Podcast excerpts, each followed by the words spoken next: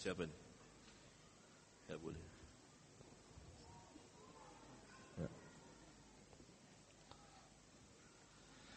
Innal hamdalillah nahmaduhu wa nasta'inuhu wa nastaghfiruh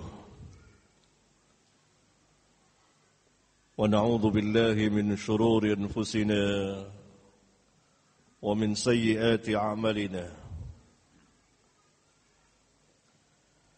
من يهده الله فلا مضل له ومن يضلل فلا هادي له. وأشهد أن لا إله إلا الله وحده لا شريك له وأشهد أن محمدا عبده ورسوله. أما بعد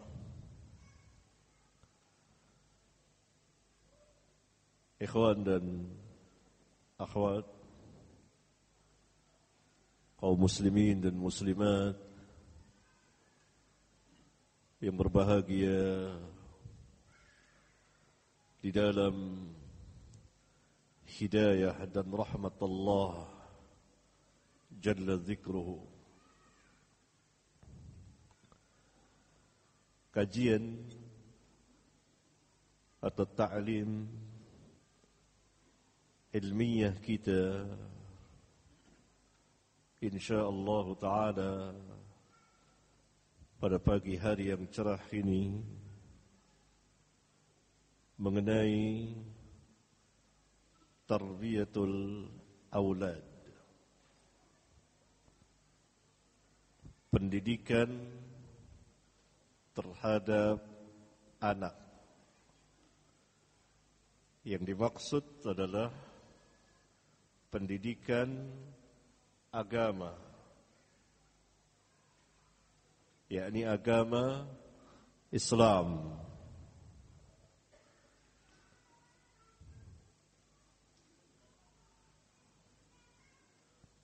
Secara kafah menyeluruh.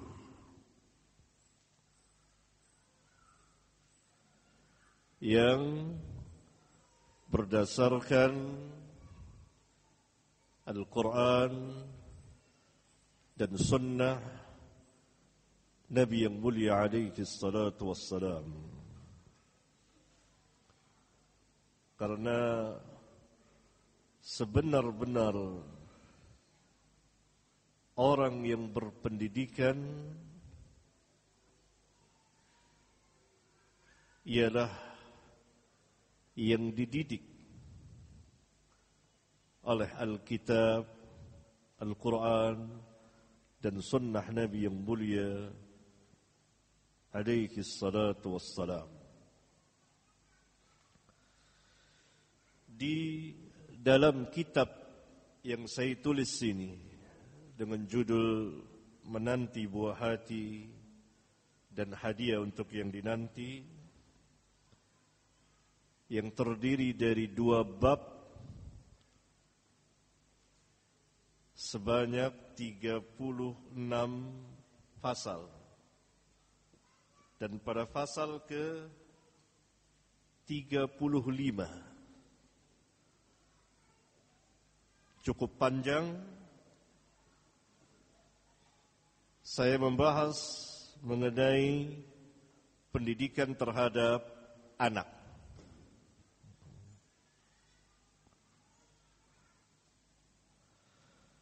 Pertama, kewajiban mendidik anak.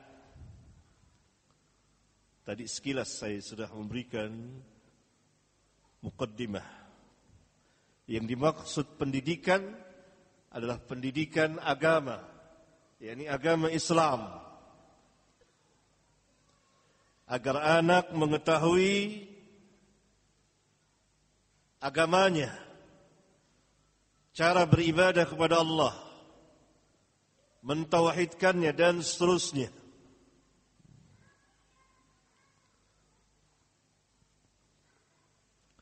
Wajib hukumnya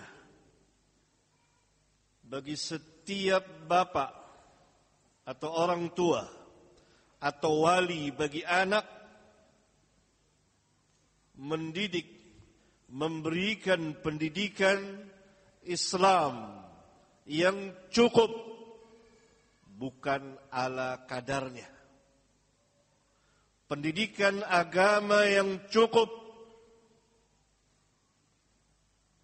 paling tidak memenuhi kewajiban yang Allah wajibkan atau yang fardu ain. Sehingga si anak ini mengenal betul akan agamanya. Dan mengamalkannya di dalam hidup dan kehidupannya. Dan inilah yang telah hilang. Dari masyarakat kita dari keluarga-keluarga kita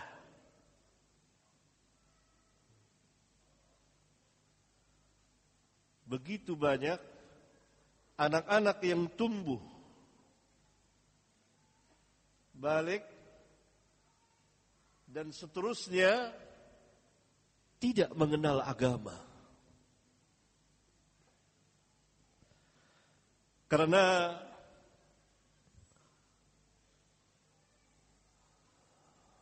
orang tua mereka tidak memberikan pendidikan agama kepada mereka dan orang tuanya pun tidak mengenal agama. Karena orang tuanya juga tidak mendidik dia. Dan begitulah turun temurun.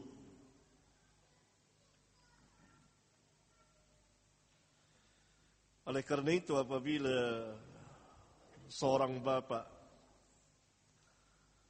hanya memberikan kebutuhan makan dan minum kepada anak-anak mereka tanpa memberikan pengetahuan agama yang cukup pada hakikatnya sang bapak ini telah membunuh anak-anak mereka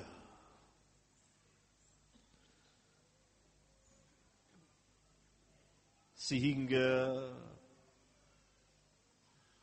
anak-anak mereka kehabisan nafas.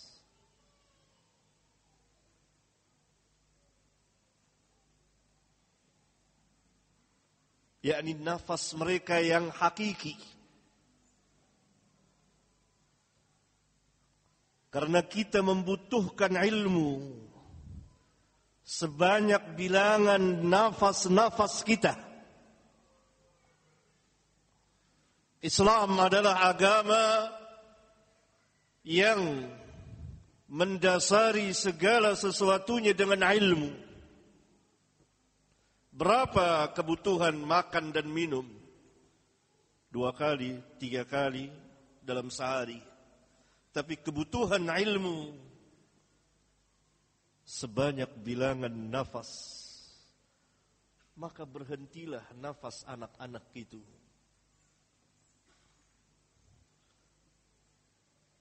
sebelum berhenti nafasnya ketika dia mati. Seolah-olah anak-anak itu telah menjadi mayat-mayat yang berjalan di muka bumi ini. Sebelum mereka menjadi bangkai yang sebenarnya. Anak-anak itu telah lama mati sebelum mereka terkubur di tanah. Sebab hakikat orang yang hidup ialah yang hidup hatinya. Orang yang hidup hatinya itu orang yang mengijabahkan panggilan Allah dan Rasulnya. Allah subhanahu wa ta'ala berfirman dalam kitabnya yang mulia. Ya ayuhalladzina amanu stajibu lillahi walirrasuli idza da'akum lima yuhyikum. Wahai orang-orang yang beriman ijabahkanlah perkenankanlah bagi Allah dan Rasulnya. Yakni bagi Allah dan bagi Rasul apabila dia Rasul memanggil kamu untuk menghidupkan kamu. Lima yuhyikum untuk menghidupkan kamu. Orang yang tidak mengenal agama tidak tahu hukum-hukum agama tidak diberikan pendidikan agama kepada mereka, maka anak-anak itu akan tumbuh dengan hati yang mati. Hati yang kering, hati yang gersang.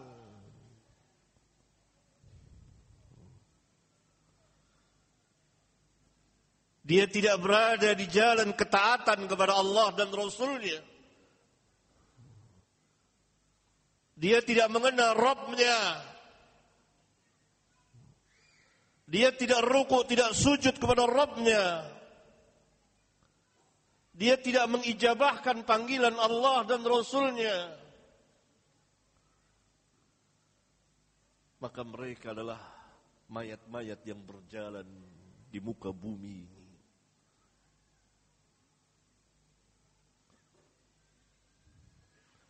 sebelum mereka menjadi mayat yang sebenarnya. Karena tidak hidup hati mereka. Karena orang yang hidup hatinya lima yuhyikum adalah orang yang istajibu lillahi rasul. Dan lima yuhyikum untuk menghidupkan hati. yakni memberikan kemaslahatan Kemaslahatan itu kebaikan. Alangkah banyaknya orang yang mati hatinya. Dan lebih mengenaskan lagi anak-anak yang mati hatinya. Karena tidak diberi hidangan yang lezat berupa ilmu agama pengetahuan tentang agama. Dan kita saksikan dengan mata kepala kita. Tumbuhlah anak-anak itu.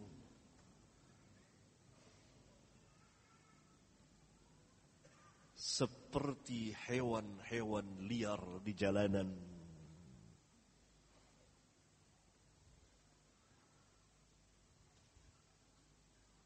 menghabiskan malam dengan maksiat.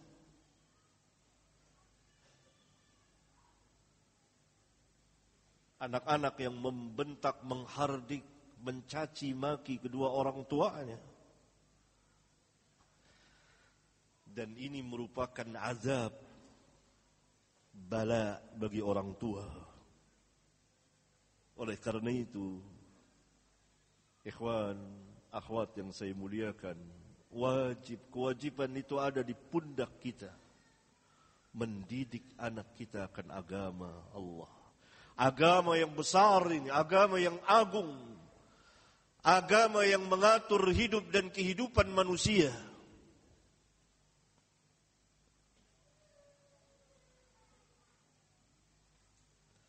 Allah Subhanahu wa taala berfirman, يا أيها الذين آمنوا قوا أنفسكم وأهليكم نارا وقودها الناس والحجارة Wahai orang-orang yang beriman, jagalah dirimu dan ahlimu. Ahli maknanya anak dan istri. Jagalah anak-anak dan istri-istrimu dari api neraka yang bahan bakarnya manusia dan batu. Ayat yang mulia ini menjadi dasar pendidikan di dalam keluarga orang-orang yang beriman. Ayat ini merupakan aslun dasar yang sangat besar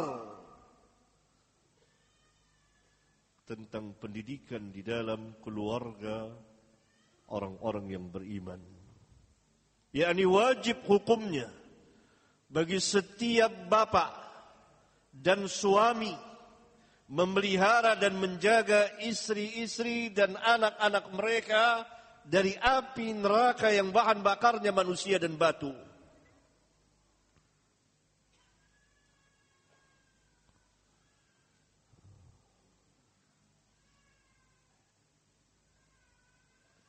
Dalil yang lain dalam Al-Quran banyak sekali. Nanti akan saya bacakan sebagiannya. Di dalam hadis pada halaman 324 di sini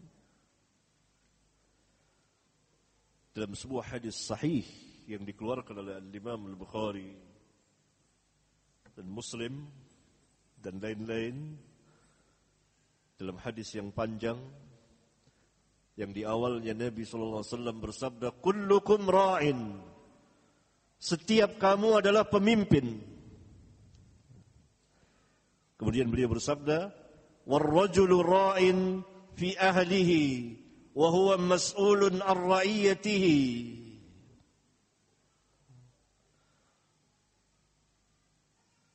seorang itu seorang suami seorang bapak itu ra'in fi ahlihi. Pemimpin di dalam keluarganya, ahlinya, istri dan anaknya. Wa huwa mas'ulun ar ra'iyatihi. Dan nanti pada hari kiamat dia akan ditanya tentang kepemimpinannya tersebut. Kita semua sebagai bapak sebagai suami akan ditanya nanti pada hari kiamat oleh Allah. Nas'alullah al-afiyata dunya wal akhirah. Kita mohon kepada Allah keselamatan di dunia dan di akhirat. Kita pasti akan ditanya tentang kepemimpinan kita. Sudahkah kita jaga keluarga kita dari api neraka jahanam? Atau bahkan kita lemparkan mereka ke dalam neraka jahanam.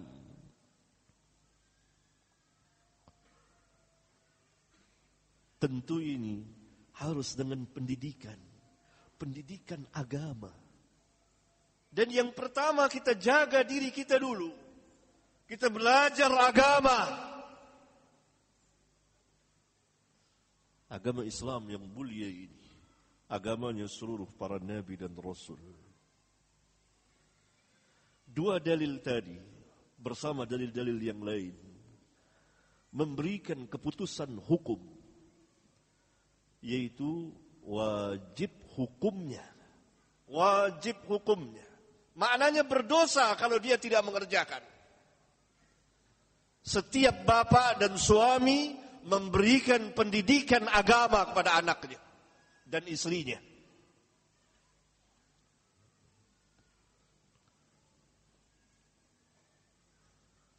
Imma dia mengajarkan langsung kalau dia mampu. Dan tentu harus mampu. Perkataan saya harus mampu ini tidak berarti dia harus menjadi ustadz. Tidak. Dia harus mengetahui seluruh permasalahan agama. Tidak. Tapi setiap muslim dan muslimah harus mengetahui, wajib hukumnya mengetahui tentang hukum-hukum agama yang fardu ain, yang wajib bagi dia. Bagaimana dia beribadah, menyembah Allah, mentauhidkan Allah. Berarti harus belajar tauhid. Bagaimana dia salat, bagaimana dia wudu dan seterusnya. yang Allah wajibkan berdasarkan Al-Quran dan Sunnah Nabi yang mulia alaihi salatu wassalam.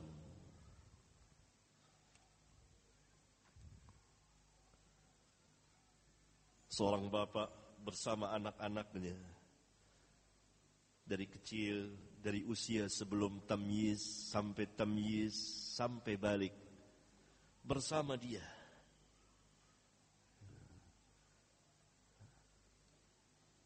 Nanti setelah balik, kalau dia ingin memasukkan anaknya ke pesantren, iya. Tapi sebelum balik, tidak tepat. Dia bersamanya. Nanti akan ada dalilnya saya jelaskan. Itu yang pertama. Yang kedua, kewajiban mencontoh Rasulullah SAW dalam mendidik anak. Allah Subhanahu wa taala berfirman tentang nabi dan rasul yang agung dan mulia ini.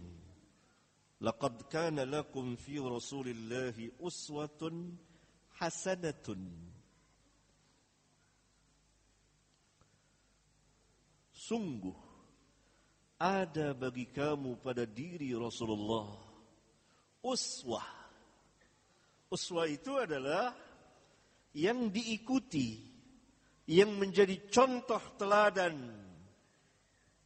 dan diikuti perkataan dan perbuatannya dalam segala keadaan.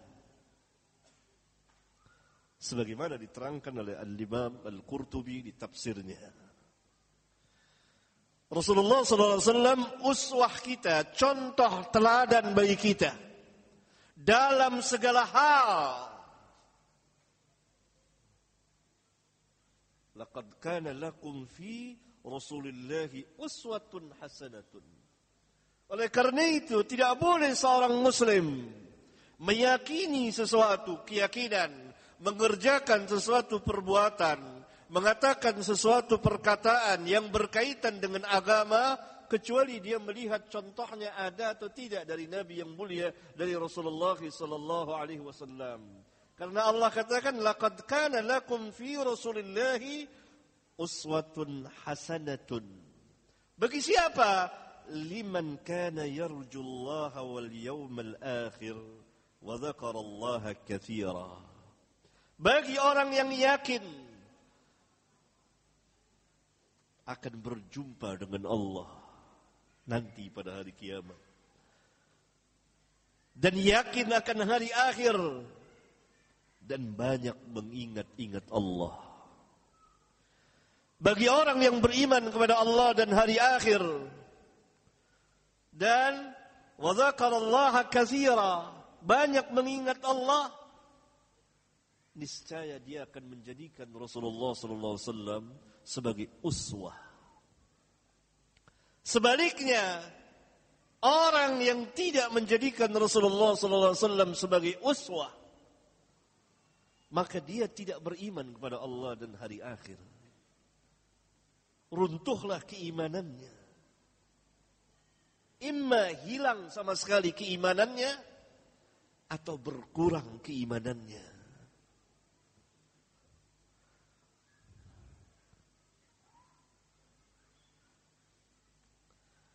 Oleh karena itu, di dalam mendidik memberikan pendidikan agama kepada anak, kita melihat contoh bagaimana Rasulullah Sallallahu Alaihi Wasallam memberikan pendidikan kepada anak-anak.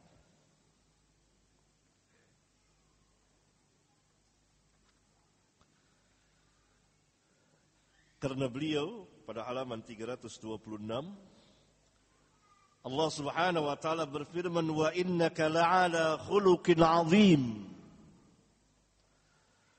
Sesungguhnya engkau berada di atas perangai, di atas akhlak yang sangat besar. Seorang budiman besar. Seorang yang memiliki akhlak yang sangat agung. Yang mengalahkan semuanya.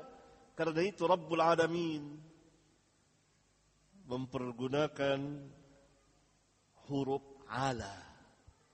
Wa innaka la'ala.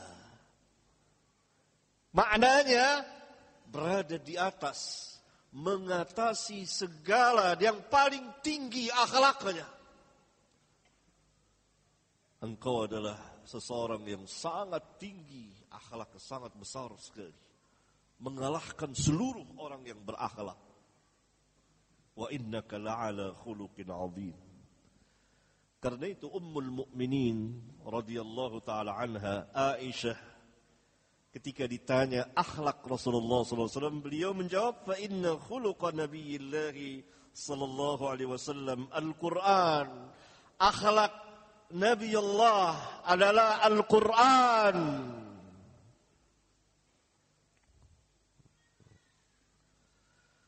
dan dalam hadis yang lain pada halaman 327 Rasulullah sallallahu alaihi wasallam bersabda inna ma li utammima makarimal akhlaq. Sesungguhnya aku diutus. Tidak lain melainkan untuk menyempurnakan kemuliaan-kemuliaan akhlak Oleh karena itu pendidikan kita sedang berbicara tentang pendidikan anak. Walaupun ini secara keseluruhan berjalan bersama Al-Quran dan Sunnah Rasulullah Sallallahu Alaihi Wasallam. Itu yang kedua. Yang ketiga, bagaimanakah mendidik anak menurut Rasulullah wasallam pada halaman 329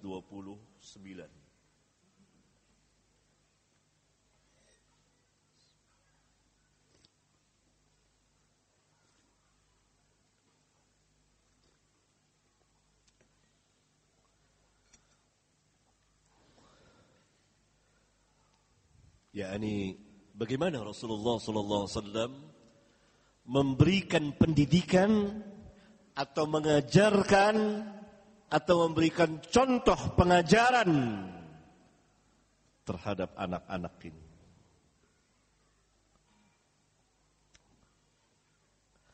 Ada dua dasar yang sangat penting kita ketahui dalam dunia pendidikan anak menurut sunnah Nabi Sallallahu Alaihi Wasallam. Dasar yang pertama, pendidikan beliau sallallahu alaihi wasallam berdasarkan dua wahyu dari Rabbul Alamin. Wahyu Al-Quran dan wahyu Al-Sunnah. Allah subhanahu wa ta'ala telah memerintahkan beliau untuk mengikuti apa yang Allah wahyukan kepada beliau. Wattabi' ma yuha ilaika min rabbik. Innallaha kana bima ta'maluna khabira. Ikutilah ini perintah Allah kepada beliau. Ikutilah apa-apa yang diwahyukan kepadamu dari Rabbmu. Ikutilah apa saja yang diwahyukan kepadamu dari Rabbmu. Apa yang Rabbmu wahyukan kepadamu, ikuti.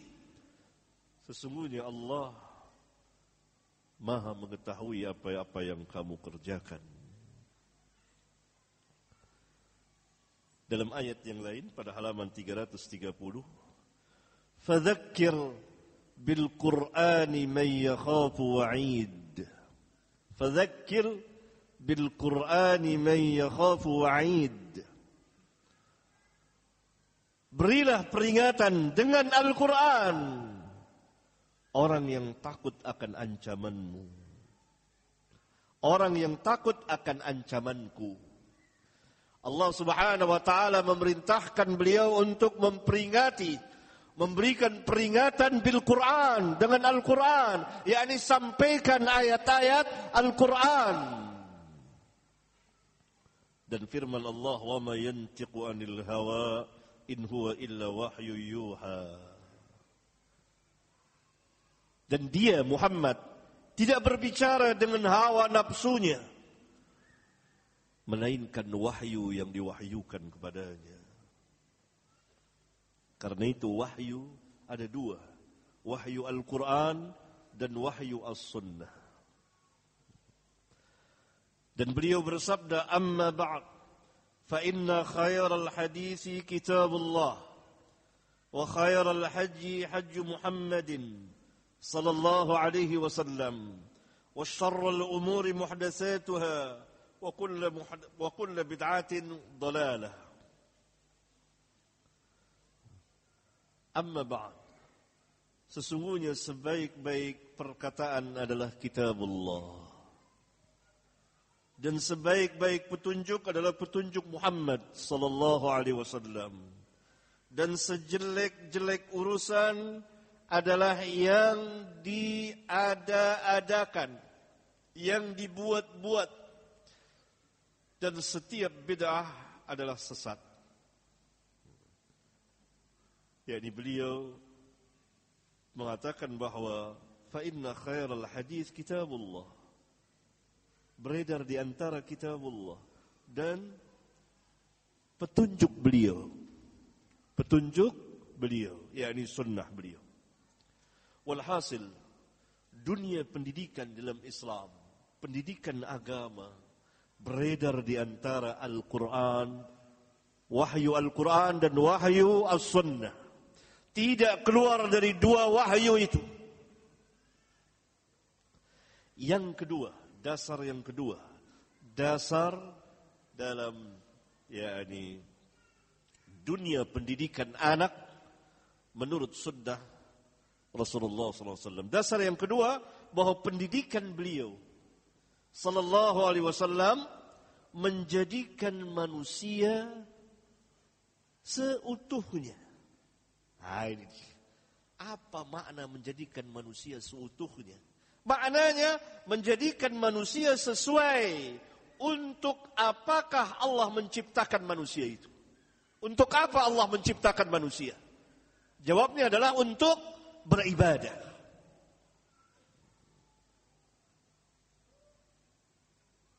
Sebab kalau pendidikan anak, anak ini akan bertumbuh menjadi masuk ke dalam usia balik, remaja, dewasa dan tua dan seterusnya. Maka tujuan dari pendidikan anak dasar yang kedua adalah menjadikan manusia sesuai dengan apa yang Allah ciptakan. Untuk apa Allah ciptakan manusia? Untuk beribadah kepada Allah.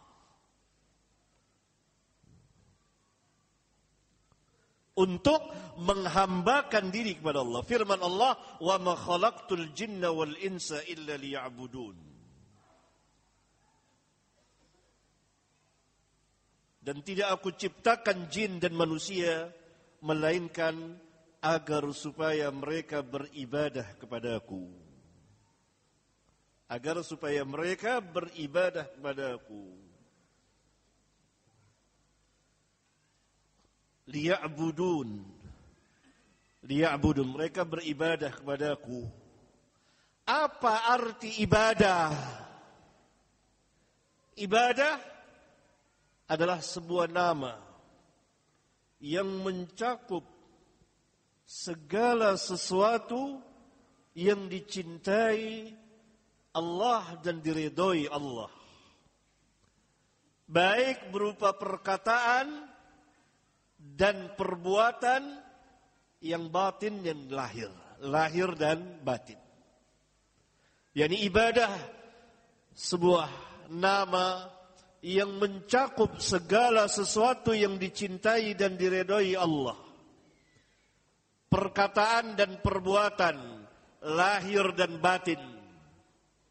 Seperti salat, zakat,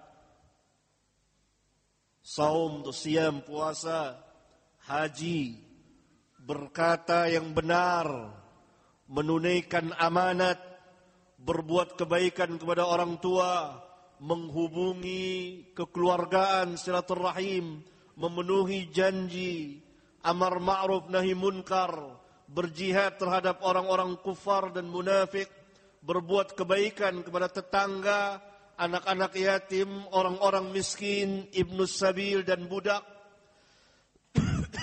berdoa dan berzikir, tilawatul Quran, membaca Al-Quran, mencintai Allah dan Rasulnya, takut kepada Allah, kembali taubat kepada Allah, ikhlas di dalam beragama kepada Allah, sabar terhadap hukum-hukum Allah, bersyukur terhadap nikmat-nikmat Allah, redha terhadap keputusan Allah, bertawakal kepada Allah, mengharapkan rahmat Allah dan takut dari azab Allah dan lain-lain semuanya masuk ke dalam nama ibadah.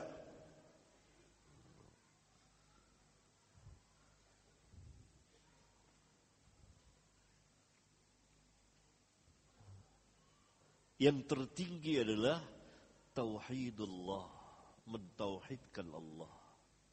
Oleh karena itu sebagian ulama menafsirkan liya'budun liyuwahhiduni agar mereka mentauhidkan aku.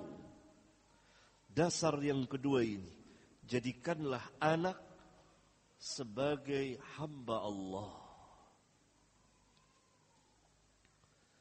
Karena Allah menciptakan manusia untuk beribadah kepada Allah.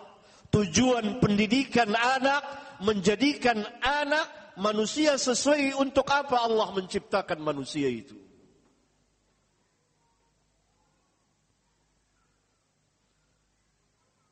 Berarti dia sebagai hamba Allah. Dia mentauhidkan Allah. Si anak mendirikan salat.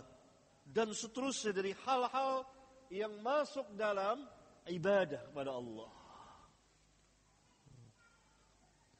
Dua dasar ini sangat penting diketahui khususnya oleh para pendidik. Bagaimana pendidikan di dalam Islam terhadap anak itu? Pertama tidak keluar dari wahyu. Harus pendidikan agama itu berdasarkan kalau Allah wa qala rasul apa yang Allah katakan dan apa yang Rasul katakan dan yang kedua menjadikan anak itu sebagai benar-benar hamba Allah. Karena Allah ciptakan manusia dan jin untuk beribadah kepada Allah. Uh, kemudian ada beberapa catatan saya bawakan sebanyak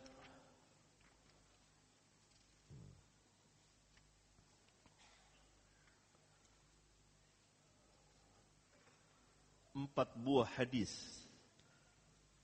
mulai dari halaman 333 untuk melihat kita akan melihat pendidikan Rasulullah yakni beliau mendidik anak contoh Contoh yang baik sekali. Secara global, secara mujmal. Nanti baru secara terperinci. Mari kita ikuti hadis-hadisnya. Contoh beliau dalam mendidik anak. Hadis yang pertama. Halaman 333.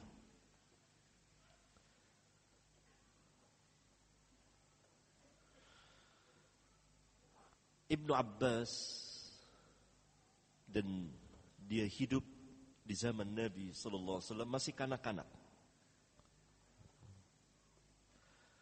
Pernah membonceng kendaraan bersama Nabi sallallahu alaihi wasallam naiki onta pada satu hari. Maka Nabi sallallahu alaihi wasallam bersabda kepadanya, "Ya gulam, wahai anak Inni u'allimuka kalimat. Aku akan mengajarkan kepadamu beberapa kalimat. Dalam riwayat yang lain, inni muhaddithuka hadisan. Dalam riwayat yang lain, ala u'allimuka kalimatin yanfa'uka Allahu bihin. Maukah aku ajarkan kepadamu beberapa kalimat beberapa kalimat yang niscaya Allah akan memberikan manfaat kepadamu dengan sebab beberapa kalimat itu. Fakultu. Jawab Ibnu Abbas, bala. Ini anak-anak yang belum balik. Karena gulam adalah sebutan untuk anak-anak yang belum balik. Karena anak-anak itu melalui usia sebelum tamyiz dari bayi sampai usia lima tahun dan puncaknya tujuh tahun tamyiz. Dari usia tamyiz tujuh tahun ke atas sampai balik. Itu anak-anak namanya Maukah aku ajarkan kepada beberapa kalimat? Kalimat apa yang diajarkan Nabi? Lihat di sini. Ihfazillah yahfazka. Peliharalah. Jaga perintah-perintah dan larangan-larangan Allah. Niscaya Allah akan menjagamu. Diperkenalkan larangan-larangan, perintah-perintah dan larangan-larangan Allah. Ya ini ditanamkan sebuah keyakinan. Nanti engkau akan tahu mana perintah Allah dan mana larangan Allah. Jaga baik-baik, pelihara baik-baik. Jangan kau tinggalkan perintahnya dan kau kerjakan larangannya. Adakah di antara kita yang mengucapkan perkataan ini kepada anak-anak kita? Nah, pelihara ingat, Allah ada perintah, ada memerintah, ada larangan. yakni kalau engkau menemukan dapati perintah Allah kerjakan, larangan Allah jauhi. Ihfazillah yahfazka. Allah akan menjagamu karena balasan sesuai dengan jenis dari perbuatan itu. Ihfadillah tajidhu tujahak. Yang kedua, pelihara jaga hak-hak Allah yang menjadi khususan bagi Allah. Niscaya engkau dapati Allah di hadapanmu. Di antara hak Allah yang terbesar adalah diibadati, disembah, ditauhidkan.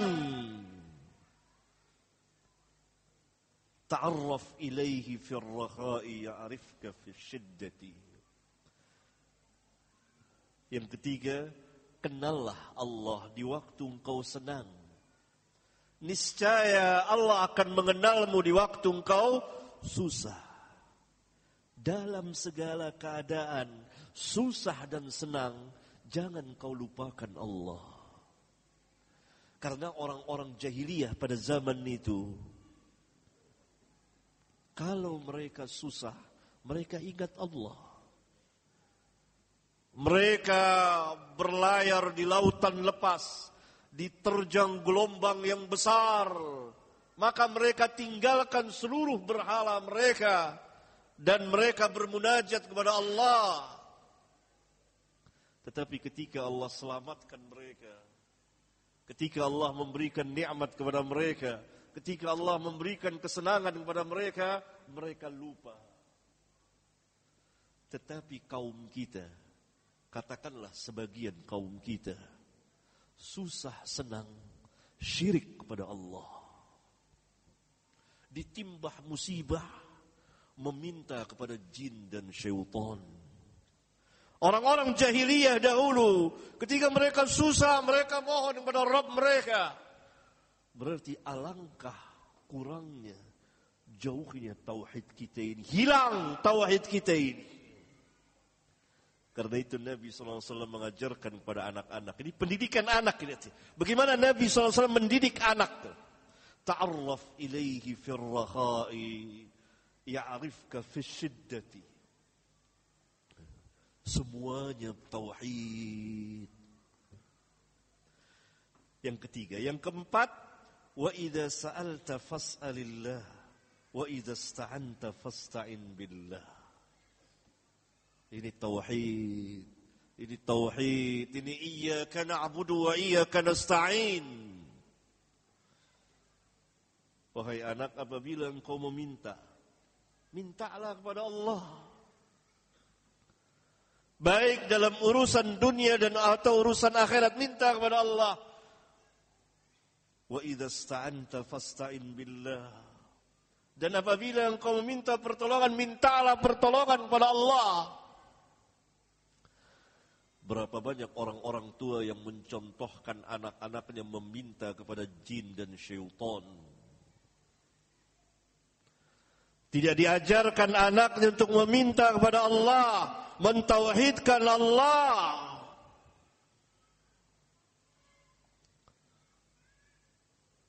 Bahkan di rumahnya ada segudang peralatan syirik. Mereka bersimpuh di kubur-kubur tertentu yang dianggap mulia meminta-minta kepada orang-orang yang telah mati. Jadi syirkul akbar. Dan mereka berkubang dengan kesyirikan. Tapi Nabi yang mulia sallallahu alaihi wasallam mengajarkan anak ini wa idza sa'alta fas'alillah wa idza ista'anta fasta'in billah.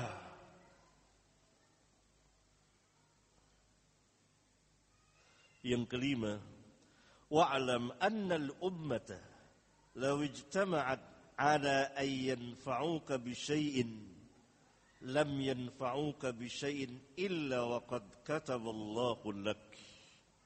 وإن اجتمعوا على أن يضروك بشيء لم يضروك إلا بشيء قد كتبه الله عليك. رفعت الأكلام وجفت الصحف. Ketahuilah Sesungguhnya Umat ini Atau itu Kalau mereka berkumpul Untuk memberikan sesuatu manfaat kepadamu Niscaya mereka tidak bisa Memberikan manfaat Sedikit pun juga kepadamu kecuali manfaat yang Allah telah tentukan untukmu. Dan jika mereka berkumpul untuk memberikan sesuatu bahaya kepadamu, niscaya mereka tidak bisa sedikit pun juga membahayakanmu kecuali bahaya yang Allah telah tentukan atasmu. Karena telah diangkat pena dan telah kering lembaran-lembaran yakni telah selesai ketentuan-ketentuan takdir bagi hamba. Jadilah anak-anak ini hidup dengan penuh keberanian bertawakal kepada Rabbnya, tidak bertawakal kepada manusia. Dengan penuh keyakinan di hatinya dia meyakini bahwa tidak ada yang dapat memberikan mudarat kepadanya sedikit pun juga walaupun manusia berkumpul untuk membahayakannya kecuali apa yang Allah telah tentukan baginya. Maka tumbuhlah para sahabat dengan hati segunung. Tampillah mereka sebagai pejuang-pejuang Islam yang penuh dengan keberanian. Karena mereka yakin kepada Allah Subhanahu wa taala. Semuanya tidak akan terjadi kecuali dengan izin Allah Subhanahu wa taala. Lalu diajarkan wa'lam anna fis sabri ala ma taqrahu khairan katsira. Ketahuilah sesungguhnya sabar atas sesuatu yang engkau tidak suka di dalamnya penuh dengan kebaikan. Dan ditimpa sesuatu yang engkau tidak suka, engkau bersabar maka akan ada buahnya kebaikan yang banyak. Wa anna nasra ma'as sabri dan pertolongan akan datang setelah dengan bersama kesabaran. Ada kesabaran darimu. Wa annal faraja ma'al karbi dan kelapangan akan ada bersama kesusahan. Setelah kesusahan akan ada kelapangan. Wa inna ma'al usri yusra contoh yang sangat menakjubkan di dalam pendidikan terhadap anak ini. mengajarkan satu orang anak. Beredar semuanya tauhidullah, pengenalan terhadap Rabbul Alamin.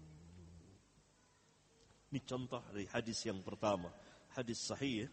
Hadisnya saya jelaskan di sini riwayat siapa? Ya, banyak sekali riwayat Imam Tirmidzi, Ahmad dan Tabrani dan lain-lain. Ya. Abu Daud, uh, Tirmidzi, Ahmad.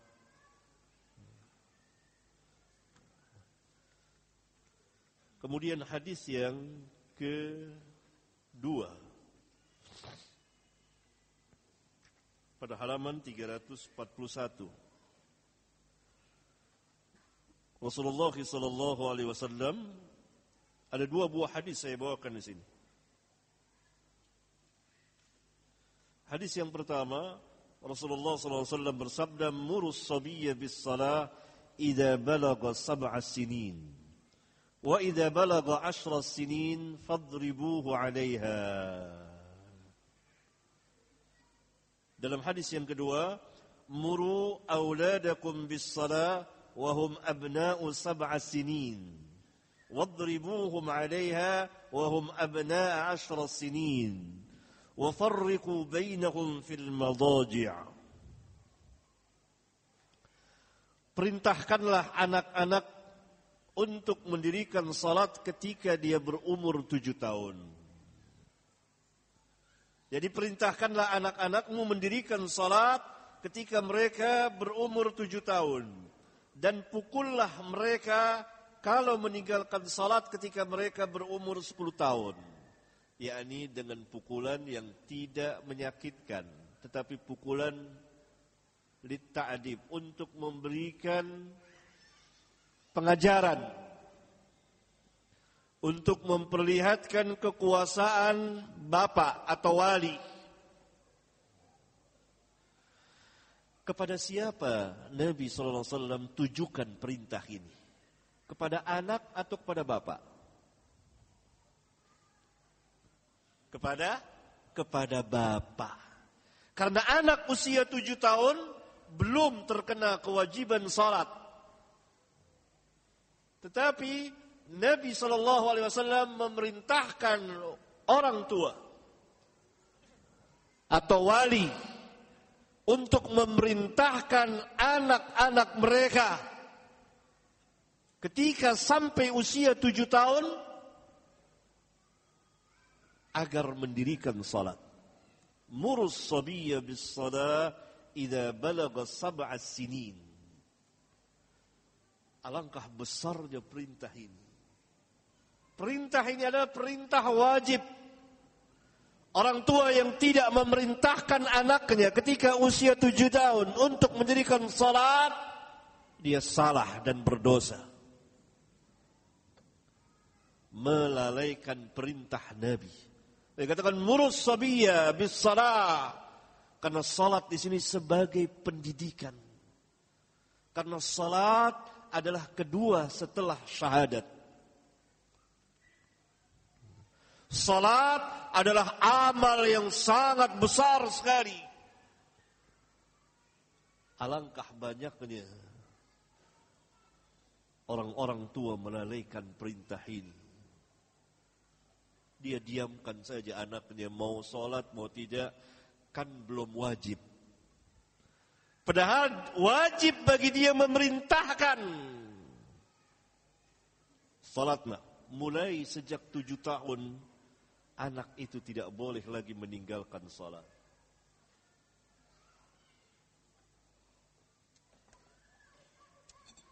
Kalau dia meninggalkan salat di bawah usia tujuh tahun, ditegur. Terus diperintah. Terus diajarkan. Dididik. Di kemudian hari, jadilah dia anak-anak yang mendirikan salat. Barangkali ini salah satu penyebab, bahkan penyebab yang sangat besar yang kita saksikan pemuda-pemuda kita sekarang ini meninggalkan salat. Berapa ratus, berapa ribu, berapa puluh ribu, berapa ratus ribu, berapa juta yang meninggalkan salat. Salat lima waktu. yang sangat besar yang berpuluh ayat di dalam Al-Qur'an berbicara tentang salat, perintah Allah tentang salat ketika usia tujuh tahun. Berarti persiapannya sebelumnya. Sebelum usia tujuh tahun tidak diperintah. Tapi kalau sebagai pendidikan tidak apa-apa. Belajar. Tapi belum datang perintah kepada orang tua. Ketika anak usia tujuh tahun berarti tamyiz. Dengan sendirinya anak itu diajarkan wudhu. Diajarkan tentang najis. Kalau buang hajat itu harus istinja diajarkan cara wudhu terus berulang. Ini pendidikan yang luar biasa.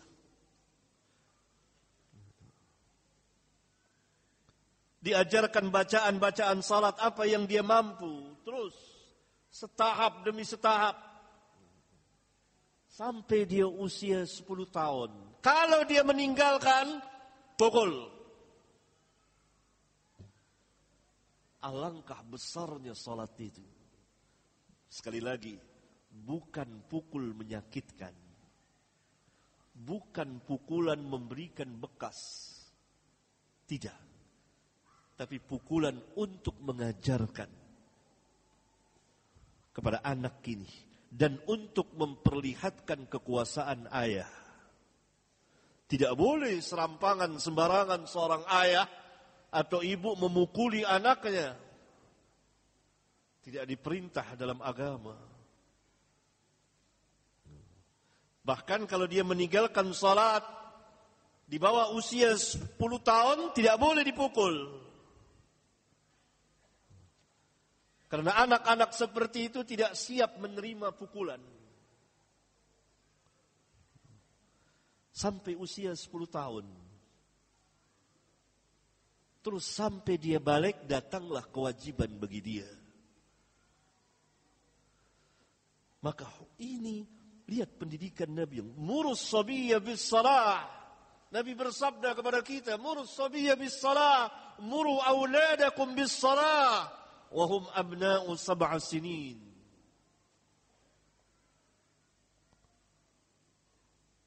Agar anak-anak ini mengenal solat, terbiasa dengan solat, terus diperintah terus, perintah dengan cara yang baik,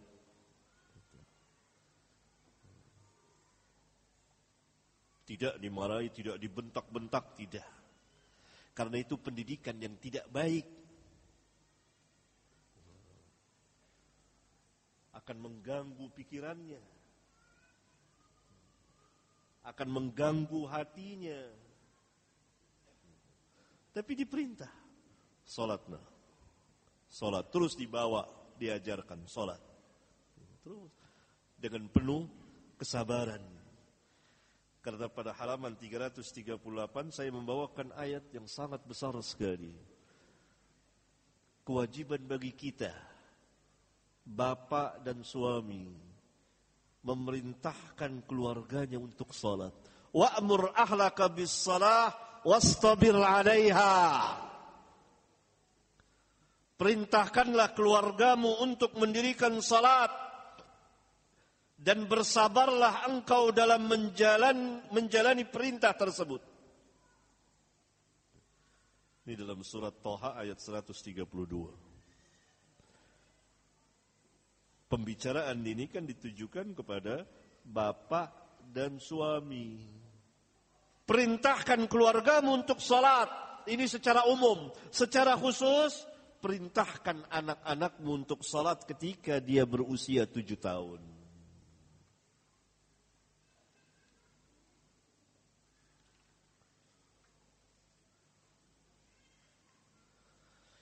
Kemudian pada halaman 345 ada judul Kapankah waktunya pendidikan bagi anak dimulai? Itu saya uraikan, saya jelaskan pada halaman 346 sampai 347. Ya, ada penjelasan di sini antara usia tadi sebelum tamyiz yakni dari usia dari bayi sampai lima tahun dan puncaknya tujuh tahun. Karena tamyiz itu usia lima tahun ke atas, enam tahun, tujuh tahun puncaknya. Itu tamyiz. Dari tamyiz ke balik, dari usia tujuh tahun sampai balik. Ya, Nah berdasarkan hadis tadi, oleh karena itu anak-anak kan hidup di dalam keluarga. Tidak tepat atau kurang tepat kalau sebagian kaum muslimin ketika anak-anak itu telah tamyiz masuk sekolah dasar, dia kirim ke pesantren. Ini belum waktunya. Karena anak-anak itu belum mempunyai kekuatan. Baik kekuatan lahir maupun batin. Dia masih hidup di lingkungan orang tuanya. Dan bagi bapak-bapak dan ibu-ibu yang ingin anaknya sekolah agama di pesantren harap diperhatikan. Usia berapa anak itu masuk pesantren? Bukan usia tamyiz. Karena tadi hadis tadi memerintahkan orang tua untuk mendirikan memerintahkan anaknya untuk mendirikan salat itu perintah kepada orang tua. Masih berada di dia di usia sebelum tamyiz, ketika tamyiz sampai balik. Berarti kira-kira usia memasuki jenjang pendidikan uh, eh, SMP. Ya? Kalau mau dimasuki pesantren iya. Tapi SD tidak tepat. Mana kewajiban Bapak? Ya, itu. Uh, kemudian hadis yang ketiga pada halaman 349.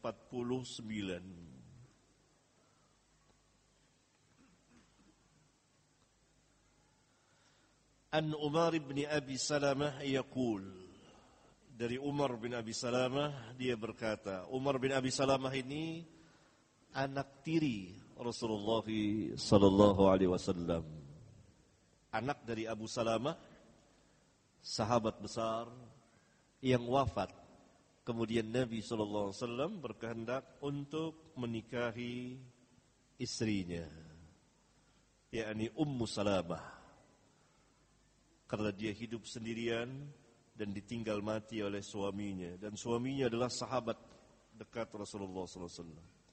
Anaknya di antaranya Umar masih kecil. Kuntu gulaman fi hajri Rasulullah Sallallahu Alaihi Wasallam. Dahulu, dahulu saya masih anak-anak berada di dalam asuhan pendidikan Rasulullah Sallallahu Alaihi Wasallam. Wa kanat yadi tatishu fi sahfah dan tanganku kalau makan ke sana kemari. Gitu. Kebiasaan orang Arab itu makan bersama dalam sebuah piring besar. Piring besar. Masing-masing kan ada tempat ya. Yang di sini makannya ini, sebagian sini. Yang di sini duduknya makannya sebelah sini, yang sering gini. Tidak ke sana kemari tangan, gitu. Nah Umar tangannya ke sana kemari. Sehingga bisa ngambil hak orang lain. Dari kecil diajarkan makan, jangan ambil hak orang lain. Faqala li Rasulullah SAW, maka Rasulullah SAW bersabda, Ya gulam, sambillah. Wahai anak, sebut nama Allah kalau makan. Ah, itu mulai kita ajarin dari kecil. Sebut nama Allah, Bismillah. Wa fi riwayatin ya gulam idza akalta faqul bismillah. Dalam riwayat yang lain dikatakan wahai anak apabila engkau makan ucapkan bismillah. Pertama, yang kedua waqul bi yaminik. Makan dengan tangan kanan. Yang ketiga waqul mimma mimma yalik. Makan dari yang dekat denganmu karena kita makan bersama dalam sebuah piring. Kalau tanganmu ke sana kemari, itu mengambil hak orang. Ini makan yang dekat, yang punyamu di sini makan. Kata Umar, "Fama zalat tilka ti'mati ba'du." Maka begitulah selanjutnya terus-menerus sifat makanku sesudah itu. Jadi anak kalau diajarkan dengan benar, dengan baik, dan seorang bapak benar-benar tampil sebagai bapak, dan dia juga yang mengajarkan dan dia pendidik,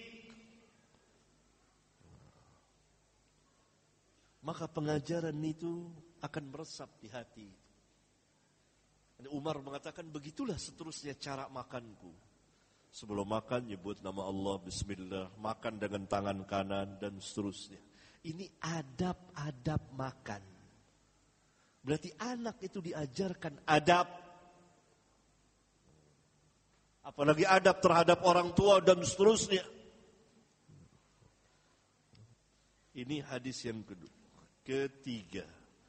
Sekarang hadis yang keempat. An Muhammad bin Ziyad sami'a Abu Hurairah yaqul. Dari Muhammad bin Ziyad dia mendengar Abu Hurairah berkata, "Akhadha Al-Hasan bin Ali tamratan min tamratis sadaqah, faj'alaha fi fihi." Abu Hurairah berkata bahwa Hasan bin Ali, yakni Hasan bin Ali bin Abi Thalib, pernah mengambil sebiji kurma dari kurma zakat yang waktu itu ada di masjid. Hasan biasa main ke masjid. Tahu-tahu ada korma namanya anak-anak main ngambil aja. Makan. Lalu dia masukkan ke mulutnya. Faqala Rasulullah sallallahu alaihi wasallam, maka Rasulullah sallallahu alaihi wasallam bersabda, "Kih, kih."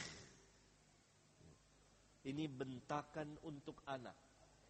Dalam bahasa Arab ada untuk anak ada bentakannya sendiri. Dalam bahasa kita ada nggak?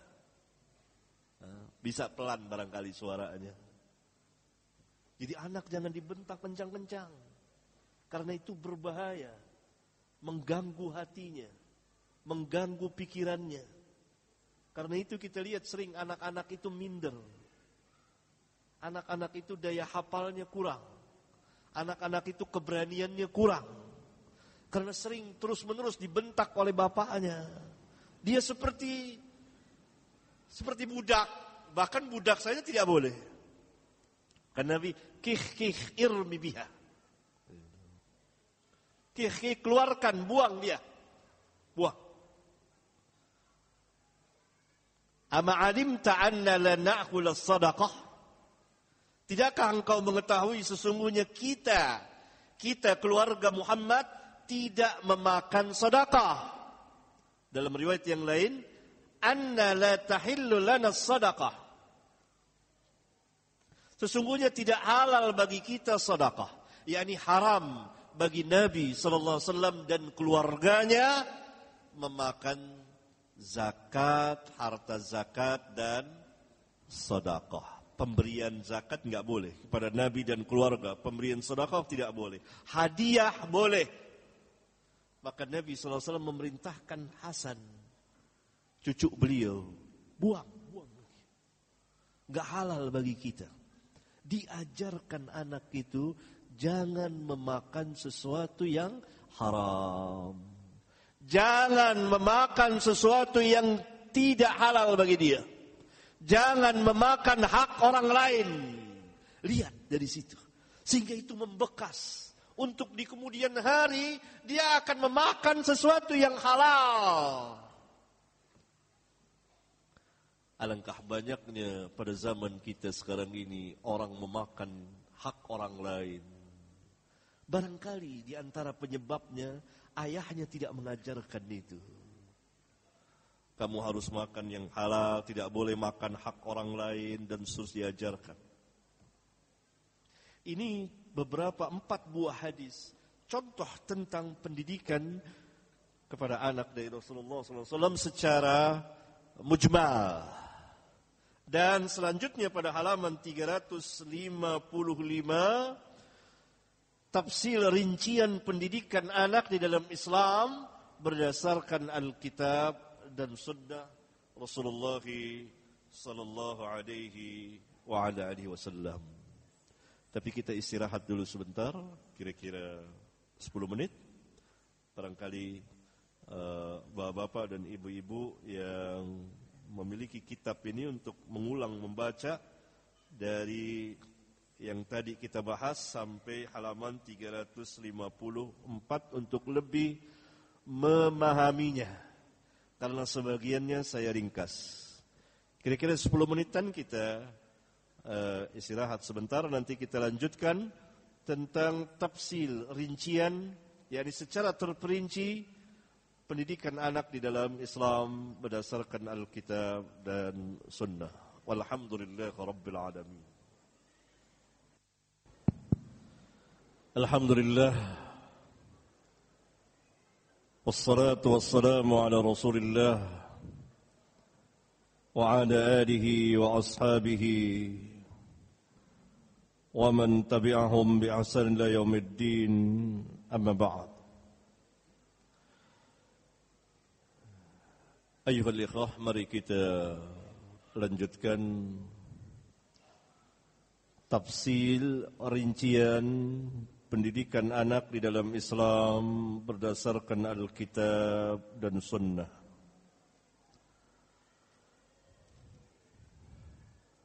Atau ini semacam kurikulum ya kan, yang harus dibuat, harus dilihat. Pertama kesatu di situ ilmu. Yakni memperkenalkan kepada anak-anak kita tentang kebesaran dan kemuliaan serta ketinggian ilmu agama karena Islam mendasari segala sesuatu dengan ilmu.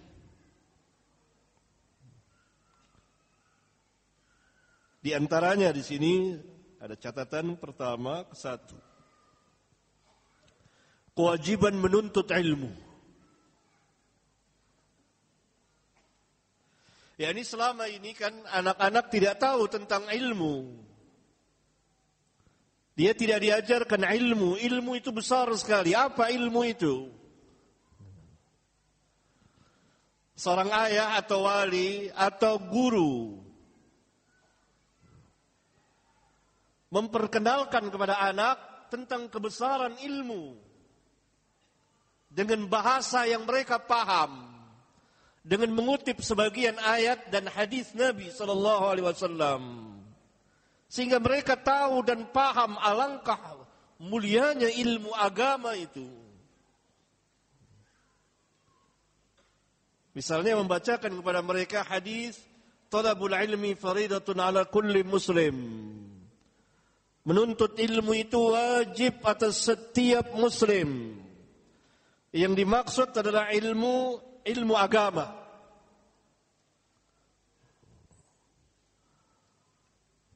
Yang dimaksud kewajiban adalah kewajiban yang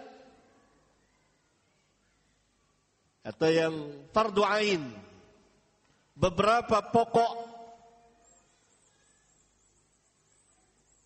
kewajiban di dalam agama.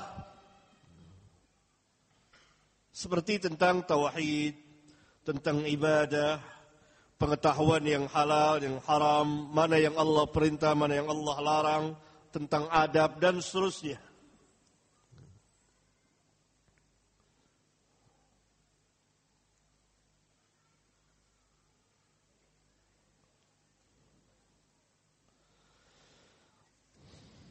Karena di dalam sebuah hadis halaman 357 Nabi sallallahu alaihi wasallam eh, bersabda, "May yuridillahu bihi khairan yufaqihu fid din."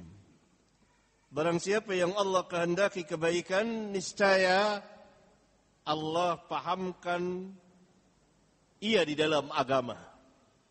May yuridillahu bihi khairan yufaqihu fid din. Berarti orang yang paham akan agama maknanya dia orang yang Allah kehendaki kebaikan. Ini tentang kewajiban ilmu, kewajiban menuntut ilmu. Yang kedua, pada halaman 360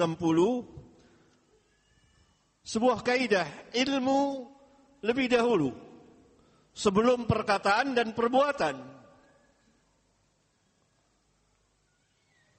Sehingga anak-anak itu tidak serampangan, tidak asal jadi. Ilmu terlebih dahulu, berilmu dulu baru berkata dan berbuat.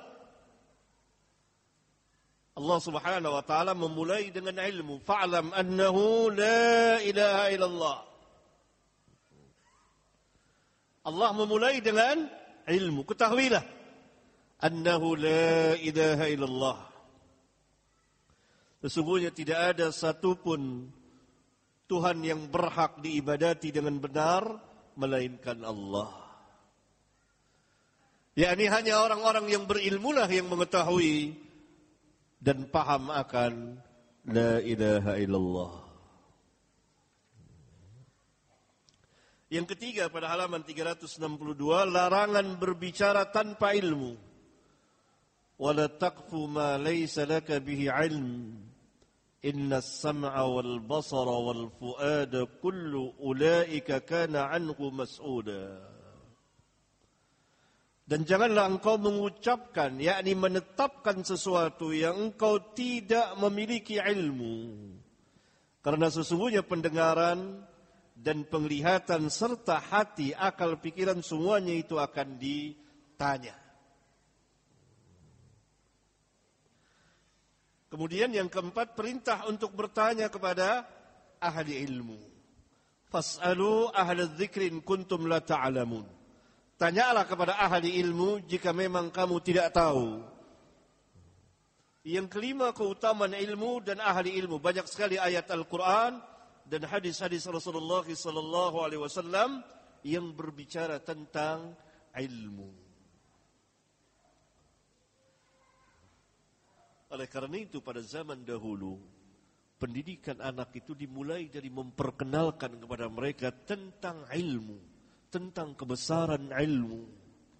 Yang meliputi di antaranya tadi kewajiban menuntut ilmu, kewajiban uh, yakni bertanya jangan ya, berbicara uh, tanpa ilmu, ilmu terlebih dahulu sebelum berkata dan berbuat, bertanya kepada ahli ilmu dan seterusnya. Sehingga sang anak ini mengenal akan kebesaran ilmu itu. Dia tidak serampangan. Tidak seperti orang-orang dewasa pada hari ini asal jadi saja berbicara agama padahal dia tidak memiliki ilmu. Itu yang pertama. Yang kedua, pada halaman 364 dan seterusnya. At-Tauhid. Memberikan pelajaran Tauhid kepada mereka yang mudah bagi mereka agar anak-anak ini walaupun ini pelajaran tauhid untuk seluruh umat manusia tetapi sangat penting terhadap anak-anak agar jadilah anak-anak itu insyaallah taala anak-anak yang mentauhidkan Allah yang mengenal Robnya. Berapa banyak anak-anak itu tidak tahu tauhid. Apa itu tauhid? Tidak tahu. Apa apalagi apa itu tauhid rububiyah, tauhid ubudiyah, tauhid asma wa sifat. Dia kenal nama-nama dan sifat-sifat Allah.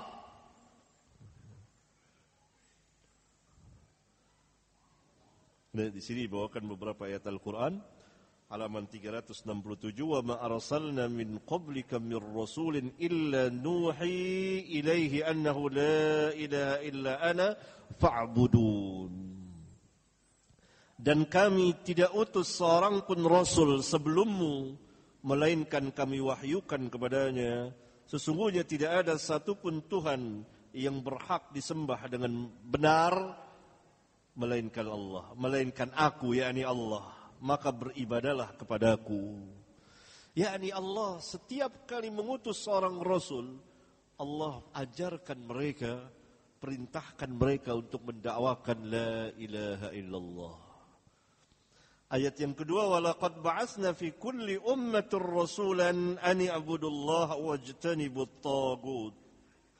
Dan sesungguhnya kami telah mengutus kepada setiap umat seorang rasul yaitu kami perintahkan mereka untuk berdakwah mengajak manusia apa seruan para nabi dan rasul u'budullaha wajtanibut tagut. Beribadalah kepada Allah dan tinggalkanlah segala sesembahan selain Allah. Jadi tahu pengajaran tauhid sangat penting sekali. Eh, dunia pendidikan anak ini seperti ini. Diperkenalkan kepada mereka tentang ilmu, ilmu agama. Yang selama ini mereka tidak kenal akan besarnya dan mulianya tingginya ilmu agama. Karena tidak dibacakan kepada mereka, tidak diajarkan kepada mereka tentang kebesaran ilmu. Kemudian tauhid, asas agama ini. Tidak ada agama tanpa tauhid. Tauhid yang berjalan tadi. Kan masih ingat? Ada dua dasar pendidikan Rasulullah SAW, yakni pendidikan anak menurut sunnah Rasulullah SAW. Dasar yang pertama tadi beredar berjalan bersama wahyu Alkitab dan Sunnah. Berarti tauhid yang diajarkan yang beredar di antara wahyu Al-Quran dan wahyu As-Sunnah. Kemudian yang ketiga, diperkenalkan kepada mereka, diajarkan kepada mereka tentang sunnah Nabi. Apa itu sunnah Nabi? Agar mereka berjalan di atas sunnah Nabi yang mulia sallallahu alaihi wasallam menjauhi segala macam bid'ah. Karena sunnah dari satu sisi adalah lawan dari bid'ah. Sehingga anak-anak ini diperkenalkan tidak boleh meyakini sesuatu, tidak boleh mengerjakan sesuatu, tidak boleh mengatakan sesuatu yang berkaitan dengan agama kecuali berdasarkan sunnah Nabi yang mulia alaihi salatu wassalam. Dan ini ada hasilnya. Kalau anak-anak itu diajarkan dengan baik, dengan benar, maka dia tahu. Pernah seorang anak di sekolah, katakanlah sekolah umum, dianya, dia diajarkan oleh orang tuanya dengan cara yang baik. Bahwa ini yang sunnah, ini tidak ada ajarannya dari Nabi. Biasa kaum kita kalau selesai membaca Al-Quran mengucapkan apa? Sadaqallahul azim. Ketika anak itu diperintah membaca Quran, dia baca dan dia tidak tutup dengan sadaqallahul azim. Lalu ditegur oleh gurunya, kok tidak mau? Tidak tidak tidak ini. Maka dia menjawab, dia ya tentu anak-anak jawabannya tentu dia sudah yakin bahwa ini tidak diajarkan oleh Nabi sallallahu alaihi wasallam dan bukan ini sunnah Nabi yang mulia alaihi salatu wassalam. Maka dia tidak baca. Walaupun tentu dia tidak bisa memberikan hujjah tapi dia telah meyakini perjalanan sunnah. Dia tidak baca. Sehingga gurunya kenapa nggak baca? Ya, dia mungkin dengan bahasa dia menerangkan. Ini pentingnya mengajarkan sunnah. Dengan bahasa yang mereka paham. Dengan cara yang baik. Agar seluruh kegiatan keagamaan mereka itu berjalan sesuai dengan sunnah Nabi yang mulia alaihi salatu wassalam.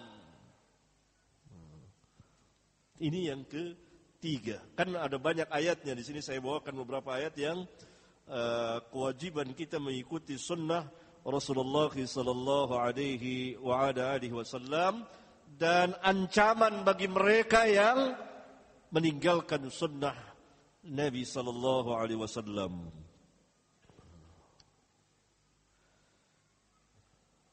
Pada halaman 374 ada sebuah hadis Taraktu fikum amrain lan tadillu ma tamassaktum bihima kitabullah wa sunnat nabihi. Saya kira antum banyak hafal hadis ini. Peninggalan atau wasiat Rasulullah SAW. Dua perkara. Siapa yang berpegang dengan keduanya tidak akan tersesat selama-lamanya. Yaitu kitabullah dan sunnah Rasulullah sallallahu alaihi wasallam. Kemudian yang keempat. Yang keempat, pelajaran yang harus diberikan anak pengenalan terhadap manhaj, sikap dan cara beragama yang benar. Mengikuti siapa? Mengikuti sahabat radhiyallahu anhum. Ditanamkan kepada mereka kecintaan yang dalam kepada para sahabat Nabi ridwanullah alaihim jami'an. Bahwa cara beragama kita harus mengikuti sahabat. Mengikuti tabi'in. Tabi'in mengikuti sahabat. Tabi'ut tabi'in. Inilah tiga generasi yang kita perkenalkan kepada mereka generasi salafun salihin apa faedahnya? Agar mereka tidak tersesat di dalam beragama. Agar mereka di kemudian hari tidak mengikuti firqa-firqa sesat yang begitu banyak bertebaran khususnya di negeri kita ini. Berapa banyak pemuda-pemuda yang terjebak dan mengikuti firqa-firqa sesat sehingga rela dia mengorbankan nyawanya dalam usia yang sangat muda. Karena bergabung dengan firqa-firqa sesat. Ada khawarid atau diwakili oleh ISIS sekarang ini. Ada Jahamiyah ada ajaran-ajaran sesat yang lainnya. Begitu banyak. Itu disebabkan karena terjadi kerusakan. Terjadi penyimpangan di dalam sikap dan cara beragama. Begitu banyak ajaran-ajaran sesat. Maka itu pelajaran manhaj, sikap dan cara beragama. Dari kecil harus diperkenalkan. Sehingga mendarah daging bagi mereka bahwa saya beragama mengikuti salafun salihin.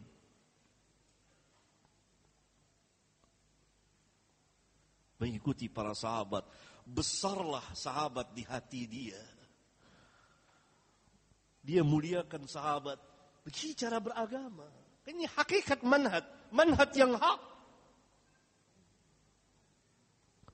Kalau tidak nanti dia tumbuh dalam pergaulannya. Dia orang beragama. Dia taat, dia mendirikan salat. Tetapi cara dan sikap beragamanya menyimpang. Maka tersesatlah dia dalam beragama. Dan itu banyak terjadi. Pemuda-pemuda yang sesat dalam beragama. Lihat bom-bom bunuh diri. Itu karena kesesatan di dalam beragama. Demikian juga ajaran-ajaran sesat yang lain. Yang menyimpang dari perjalanan para sahabat. Yang menyimpang dari perjalanan para tabi'in dan tabi'ut tabi'in yang Nabi sallallahu alaihi wasallam katakan khairun nas qarni.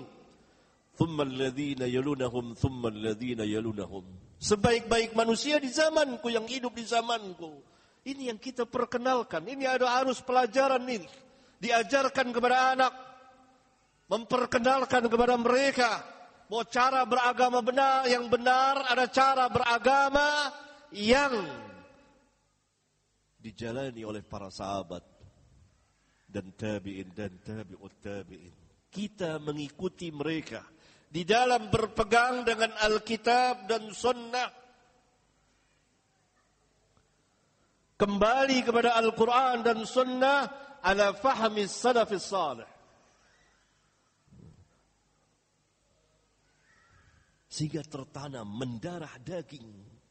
Taulah dia cara beragama yang benar itu.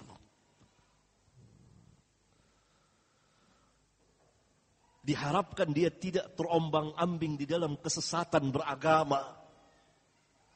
Oleh karena itu ini sangat mendasar sekali.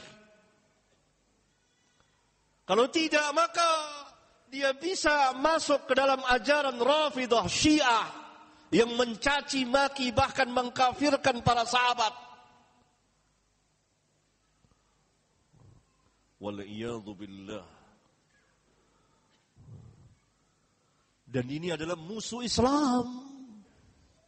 Karena yang menyebarkan, mendakwakan Islam, para sahabat. Kalau para sahabat telah dikafirkan, maka tidak syak lagi. Ini adalah musuh-musuh Islam. Mau anak-anak kita bergabung dengan Syiah? Mau anak-anak kita duduk di majelis Syiah? Besok dia nikah mut'ah. Dia lisannya tajam kepada para sahabat. Hatinya hasad, iri hati kepada para sahabat. Hatinya begitu marah kepada para sahabat. Tidak dipenuhi dengan kecintaan. Itulah yang telah terjadi. Berapa banyak pemuda-pemuda itu duduk di majelis Syiah Rafidah Oleh karena itu pelajaran ini sangat penting sekali. Memperkenalkan kepada anak-anak bukan sekedar nama-nama sahabat, bukan sekedar riwayat hidup mereka, tapi memperkenalkan cara beragama mereka, bahwa cara beragama kita harus mengikuti mereka di dalam berpegang dengan Al-Quran dan Sunnah Nabi sehingga hatinya dipenuhi oleh kecintaan kepada sahabat yang mulia radhiyallahu anhum jami'an. Saya bawakan di sini hadis pada halaman 382. Man ya'ish minkum ba'di fasayara ikhtilafan katsira فعليكم بسنتي وسنة الخلفاء الراشدين المهديين تمسكوا بها وعدوا عليها بالنواجس وإياكم ومحدثات الأمور فإن كل محدثات بدعة وكل بدعات ضلالة Saya kira hadisnya ma'ruf Berpegang dengan sunnah Dan sunnahnya Al-Khulafa Ar-Rashidin Abu Bakar dan Umar dan Uthman dan Ali Yang mewakili sekalian para sahabat dalam dalam riwayat yang lain dikatakan qad taraktukum 'alal bayda'i lailuha kanahariha la yazigu anha ba'di illa halik Sesungguhnya telah aku tinggalkan kepada kamu yang putih malamnya. Malamnya saja putih cemerlang. Seperti siangnya. Tidak berpaling darinya sesudah wafatku kecuali orang yang binasa. Berpaling dari mana? Berpaling dari sunnah Nabi Sallallahu Alaihi Wasallam dan perjalanan para sahabat. Cara beragama mereka. Terang benderang Nabi Sallallahu Alaihi Wasallam tinggalkan. Qad taraktu, qad taraktukum alal bayda'i layluha kanahariha. Sesungguhnya telah aku tinggalkan kepada kamu putih malamnya seperti siangnya. Dan Nabi Shallallahu Alaihi Wasallam ketika menjelaskan bahwa umat ini akan berpuak, bercerai-berai, berpecah belah menjadi 73 firqah. 72 firqah terancam neraka dan satu firqah dijanjikan surga. Siapa mereka? Beliau menjawab, "Ma'ana alaihi al-yawm wa ashabi."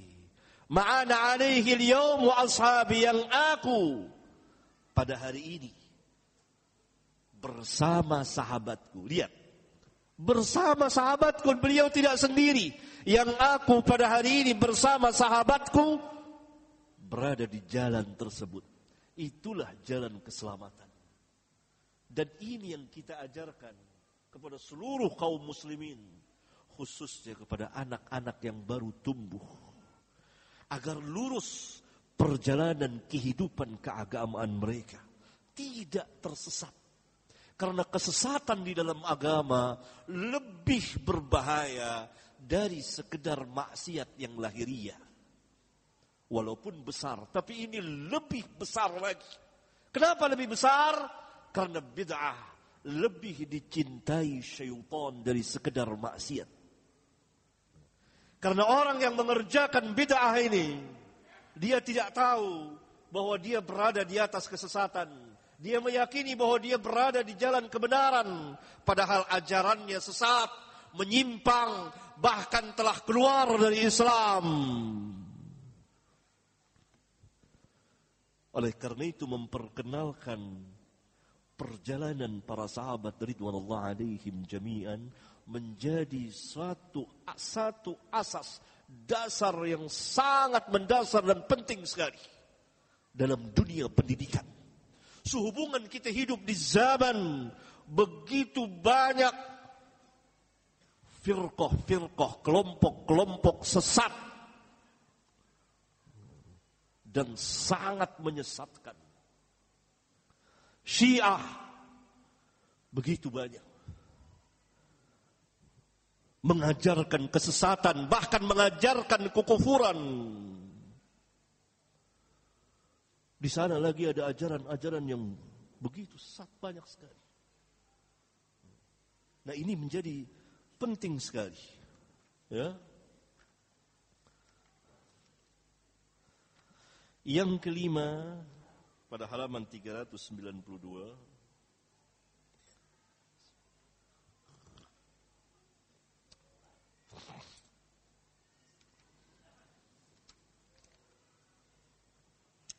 Al-ibadah, pendidikan tentang ibadah.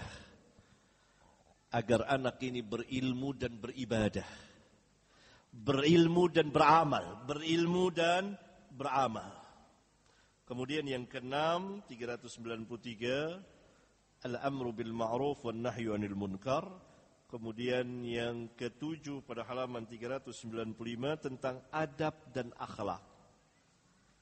Dan pada halaman 397 ada contoh pendidikan anak di dalam Al-Quran tentang kisah Luqman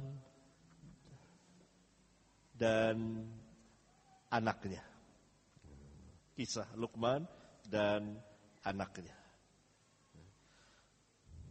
Kemudian pada halaman 402 kasih sayang Nabi sallallahu alaihi wasallam kepada anak-anak. Kasih sayang Nabi tersebar pada umatnya, khususnya kepada anak-anak. Begitu juga dunia pendidikan pada anak. Karena itu Islamlah pertama kali yang meletakkan dasar anti kekerasan terhadap anak-anak. Tidak boleh ada kekerasan terhadap anak-anak. Islamlah pertama kali agama yang meletakkan dasar itu. Sebelum orang lain berbicara. Dan dicontohkan oleh Nabi yang mulia. Begitu besar kasih sayang beliau kepada anak-anak. Dan dunia pendidikan seperti itu. Dimulai dari orang tua, kemudian guru dan uh, uh, seterusnya. Ya, barangkali ini ikhwan dan akhwat yang bisa saya sampaikan karena uh, kita dibatasi waktu dan saya harus uh, menjawab satu, dua, atau tiga pertanyaan apabila memungkinkan. Ya. Mudah-mudahan apa yang saya sampaikan ini bermanfaat untuk kita sekalian dan sebagai pengantar atau mukaddimah bagi kita untuk lebih lebih serius, lebih memperhatikan lagi anak-anak kita. Memberikan pendidikan kepada mereka. Ya, ini pendidikan agama karena kita lagi berbicara tentang pendidikan uh, agama bagi ikhwan dan akhwat yang uh, mempunyai kitab ini uh, bisa dibaca lagi nanti dari halaman 320 sampai akhir tadi yakni tentang tarbiyatul aulad atau pendidikan terhadap anak. Walhamdulillah rabbil alamin.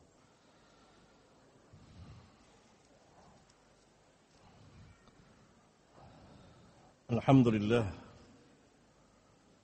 Wassalatu wassalamu ala rasulillah Wa ala alihi wa ashabihi Wa man tabi'ahum بإحسان إلى يوم الدين أما بعد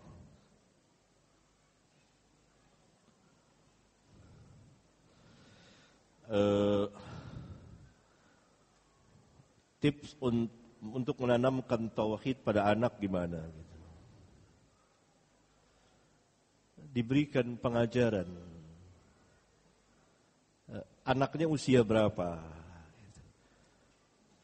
Kalau usia telah tamyiz, kira-kira 6-7 tahun, dan tamyiz itu sudah bisa membedakan antara satu dengan yang lain. Mana yang bahaya dan mana yang tidak. Maka diajarkan ada kitab yang mudah misalnya atau dibacakan sebagian ayat Al-Quran atau diintisarikan. Banyak cara yang bisa ditempuh oleh orang tua duduk bersama anaknya memperkenalkan dan mengajarkan tauhidullah. Ada contoh dalam Al-Qur'an ketika Luqman mengajarkan anaknya tauhid ada contoh dari Nabi yang mulia tadi sallallahu alaihi wasallam ketika beliau mengajarkan Abdullah bin Abbas dan orang tua akan belajar dari situ. Ketika dia memberikan pengajaran, misalnya anaknya tidak paham, maka dia dia punya pengalaman dengan cara ini barangkali bisa paham. Dan seterus dia coba. Tentunya dia telah mengetahui tauhid terlebih dahulu. Maka sangat mudah. Banyak sekali jalan. Anak-anak sifatnya dia suka melihat dan mendengar. Apalagi itu adalah ayah, bapak, karena bapak merupakan kebanggaan anak. Alangkah gembiranya seorang anak itu. Menurut tabiat anak, ketika dia duduk di hadapan ayahnya, belajar kepada ayahnya. Itu kebanggaan tersendiri, kenikmatan tersendiri bagi anak-anak. Oleh karena itu orang tua banyak melalaikan hal ini.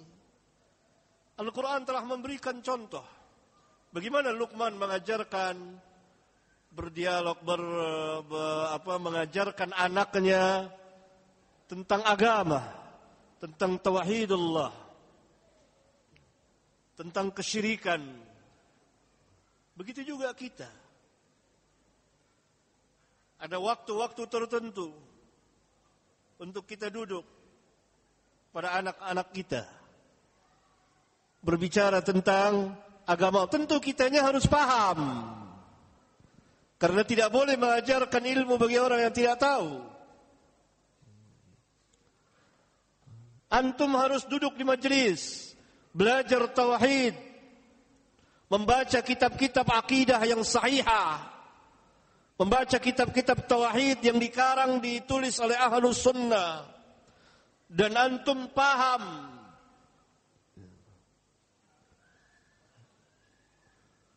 kemudian dibacakan, diintisarikan, diringkas dengan bahasa bapak kepada anaknya. Mudah sekali. Dan itu merupakan kesenangan bagi anak. Dan kita melihat begitu gembiranya anak-anak dipanggil oleh ayahnya duduk berbicara, diajarkan oleh ayahnya, dia duduk bersila, ayahnya sebagai gurunya, nikmat sekali.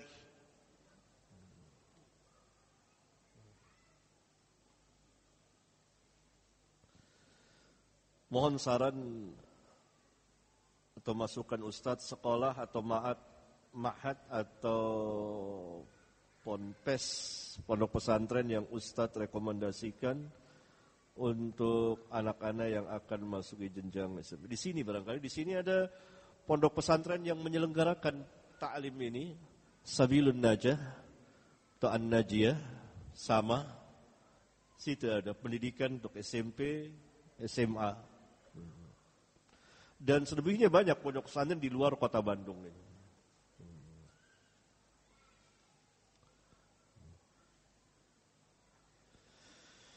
Pertanyaan yang lain Assalamualaikum Waalaikumsalam Warahmatullahi Wabarakatuh. Pak Ustadz apa hukumnya ketika mengumandangkan azan ketika kelahiran bayi Dan ketika mayit di dalam kubur? Beda Tidak ada sunnahnya. Hadis yang menjelaskan mengazankan bayi atau anak yang baru lahir hadisnya dhaif dikeluarkan oleh al-Imam At-Tirmidzi dan di sanatnya ada seorang rawi yang buruk hafalannya yang menurut istilah di dalam ilmu hadis rawi tersebut adalah Daif riwayatnya. Kecuali ada yang menguatkannya. Adakah yang menguatkannya? Ada. Sebuah hadis yang dikeluarkan oleh Al-Imam Ibn Sunni. Tetapi tidak bisa sebagai penguat hadis yang dikeluarkan oleh Imam Tirmidzi tadi karena di sanatnya ada seorang rawi yang pendusta, pembohong. Ada lagi enggak hadis? Ada lagi ada hadis dikeluarkan oleh Imam Baihaqi di kitabnya Syu'abul Iman, tapi hadisnya juga sangat lemah atau palsu. Hadis yang sangat lemah atau hadis palsu tidak bisa menjadi penguat bagi hadis yang dhaif.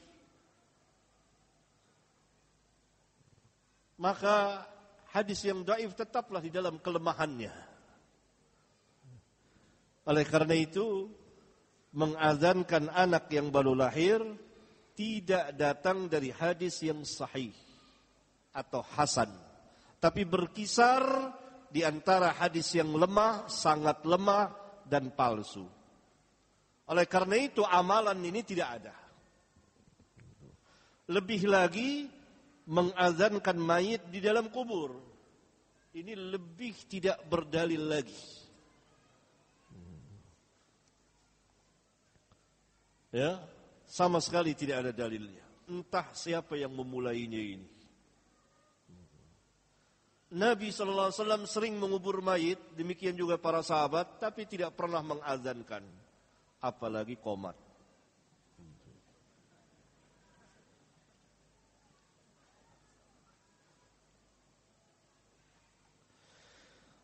Pertanyaan yang lain, Assalamualaikum Pak Ustaz, Waalaikumsalam warahmatullahi wabarakatuh. Bagaimana mendidik istri agar taat kepada suami?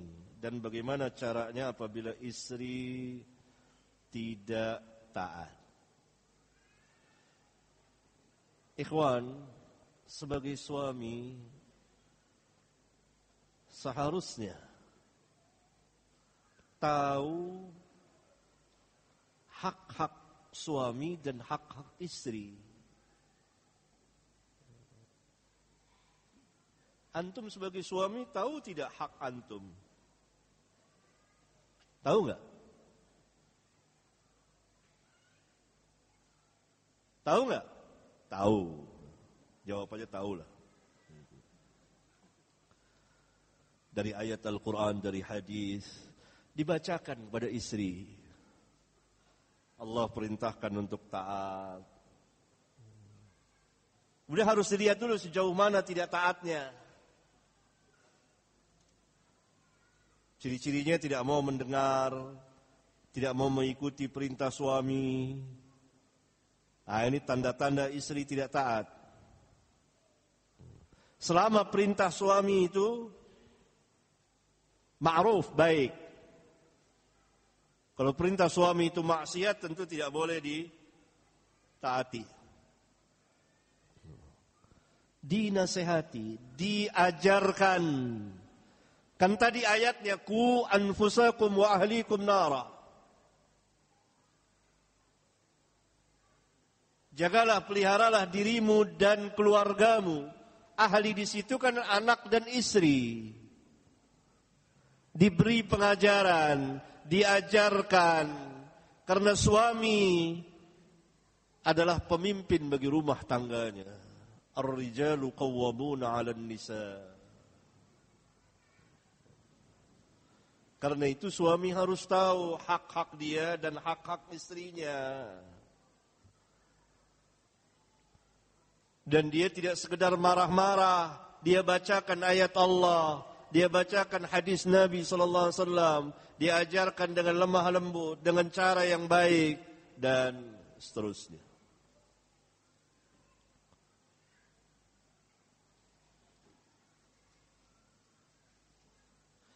Bolehkah pesantren untuk anak perempuan? Boleh. Dia mukim di situ, boleh. Khusus perempuan, boleh. Pertanyaan yang lain, Alhamdulillah dakwah sunnah sekarang mudah diterima di masyarakat. Iya. Karena dakwah sunnah berjalan sesuai dengan fitrah yang ada pada manusia. Dakwah sunnah itulah dakwah Islam. Dan Islam berjalan sesuai fitrah yang ada pada manusia. Karena itu apabila seseorang itu belajar, mendengar, dengan ikhlas dan ingin mencari kebenaran yang selama ini dia bingung, bimbang dan dia duduk di majelis sunnah insya Allah Allah akan memberikan hidayah dan akan berjalan sesuai dengan fitrahnya dan dia terima. Kemudian, bagaimana metode pembinaan umat sekarang ini? Apakah diperbanyak ya ini? Tablik akbar atau kajian rutin dengan ustadz setempat? Tentu kajian rutin dengan ustadz setempat. Seperti di Bandung ini. Ustadz setempat yang mengajarkannya yang lebih tahu lebih dekat bahasanya lebih dekat karakternya lebih tahu cara mengajarnya lebih tahu cara kondisi masyarakatnya dan seterusnya dan seterusnya. Bukan orang-orang luar. Ustadz setempatlah yang mengajarkan yang berhak. Diberi pendidikan dari satu tahapan ke tahapan yang lain. Bukan meramai-ramaikan. Tablik akbar panggil sana panggil sini ustadznya tapi ustadz yang ada di Bandung ini yang memberikan pengajaran, dia mengajarkan, mentarbiyah dan mentasfiyah, membacakan kitab-kitab para ulama. Ini metodenya.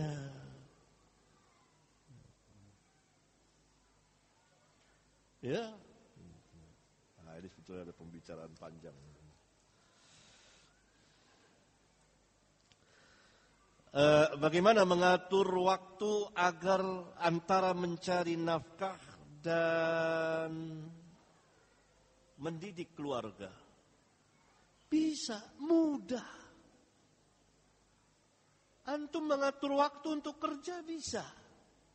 Masa mengatur waktu untuk keluarga tidak bisa? Mudah. Ada harus ada waktu. Mencari nafkah kewajiban.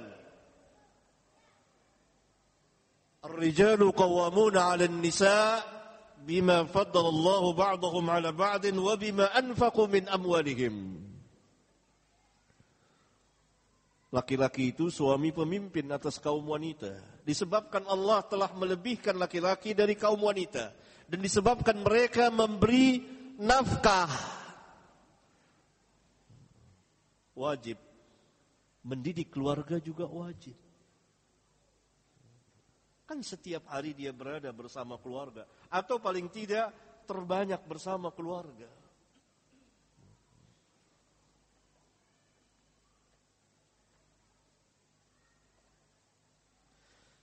Siapa yang memiliki porsi terbesar dalam mendidik anak apakah seorang ibu atau seorang bapak? Bapak, kan perintahnya bapak. Bapak memerintahkan ibu, istri.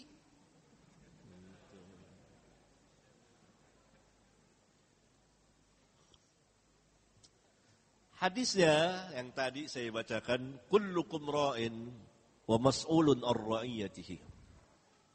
Kullukum ra'in wa kullukum mas'ulun ar-ra'iyatihi. Semua kamu pemimpin. Dan semua kamu nanti akan ditanya tentang kepemimpinannya. Al-imam ra'in. Wahuwa mas'ulun ar-ra'iyatihi. Imam. Itu pemimpin. yakni pada rakyatnya. Dan nanti dia akan ditanya tentang kepemimpinannya. Warrajulu ra'in fi ahlihi wa huwa mas'ulun. Dan suami itu pemimpin di rumah tangganya. Seorang bapak, seorang suami itu ra'in, pemimpin pada ahlinya, keluarganya, anak dan istrinya. Dan nanti dia akan ditanya tentang kepemimpinannya. Wal mar'atu, ah, ini. Ra'iyatun fi baiti zawjiha wa waladihi wahia mas'ulatun ar-ra'iyatiha. Wal mar'atu istri ra'iyatun fi baiti zawjiha. Pemimpin di rumah suaminya. Wa waladihi dan anak-anak suaminya. Berarti yang mengurus rumah tangga karena laki-laki, suami kan berada di luar. Dia mencari nafkah, Porsi terbesar ada pada bapak. Dia membagi tugas, istrinya ada di rumah. Dia perintahkan istrinya. Karena itu kata Nabi SAW, Wal mar'atu ra'iyatun fi baiti zawjiha. Ingat-ingat ini ibu-ibu. Ingat-ingat. Ibu-ibu adalah pemimpin di rumah tangga suami. Bertanggung jawab penuh dan terhadap anak-anak suami. Nah, dikatakan anak-anak suami, padahal anak-anak dia juga. Kenapa? Karena tanggung jawab yang demikian besar. Dia tidak boleh berbuat sesuatu kecuali dia musyawarahkan kepada suaminya tentang anak-anaknya. Suami yang punya perintah harus begini. Dia katakan perintahkan istrinya, ajarkan anak-anak baca Quran. Ajarkan anak-anak ini, ajarkan ini. Nanti suami melihat gimana sejauh mana. Karena dia pemimpin ini. Pemimpin besar suami. Wakil dari suami istri. Karena istri berada di rumah. Ah, demikian indahnya rumah tangga dalam Islam itu. Nah kalau sama-sama keluar anaknya sama siapa? Pinter antum jawabnya.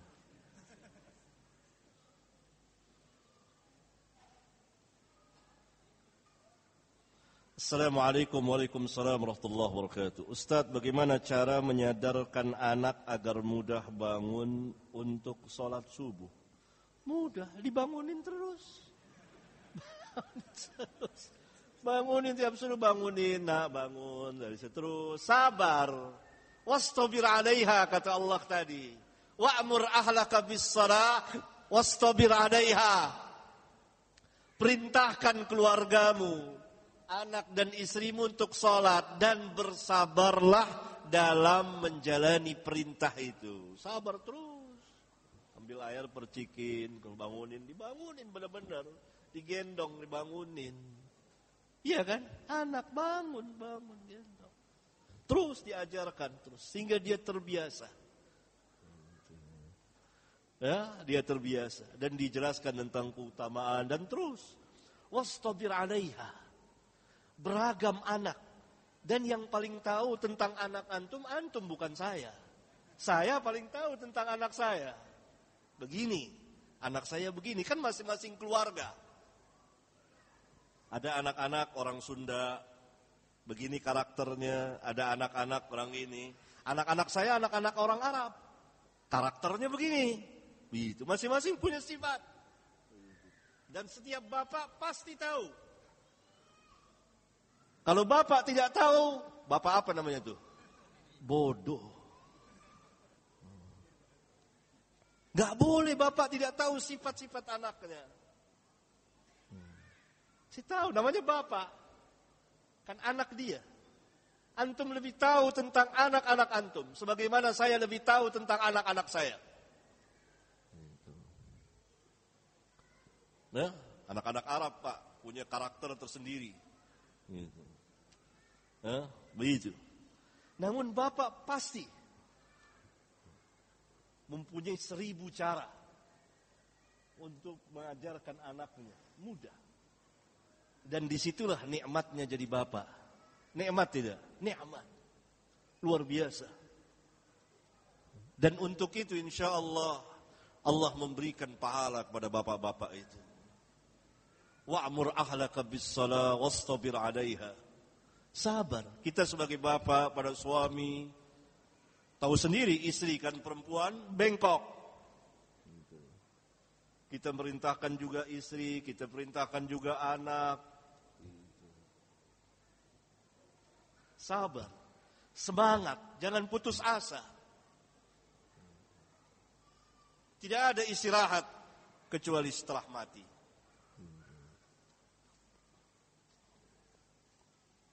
Ya, banyak cara. Banyak cara. Uh, bagaimana cara ketika menghadapi guru yang zolim? Uh, luar biasa. Zolim. Apa zolimnya? Ya. Karena bagaimanapun juga guru adalah orang tua ketika di sekolah. Guru, kata ulama, adalah orang tua. Karena itu guru harus bersikap seperti bapak. Dia tidak hanya mengajar, tapi juga dia pendidik, pencurah kasih sayang. Ya, maka tidak boleh zolim, tidak boleh kasar terhadap anak sebagaimana bapak tidak boleh kasar terhadap anak. Saya seorang ibu, insya Allah anak saya akan masuk ya ini mahat. Bagaimana caranya kalau hati saya tidak berat untuk melepaskan anak saya yang akan pesantren? Berarti masih apa nih? Masih berat kan? Masih berat ya jangan. Masih berat jangan. Ibu masih berat. Memasukkan ke pesantren bukan satu kewajiban. Mendidik anak wajib. Kalau ibu ayah masih berat, jangan. Sampai enggak berat. Ya.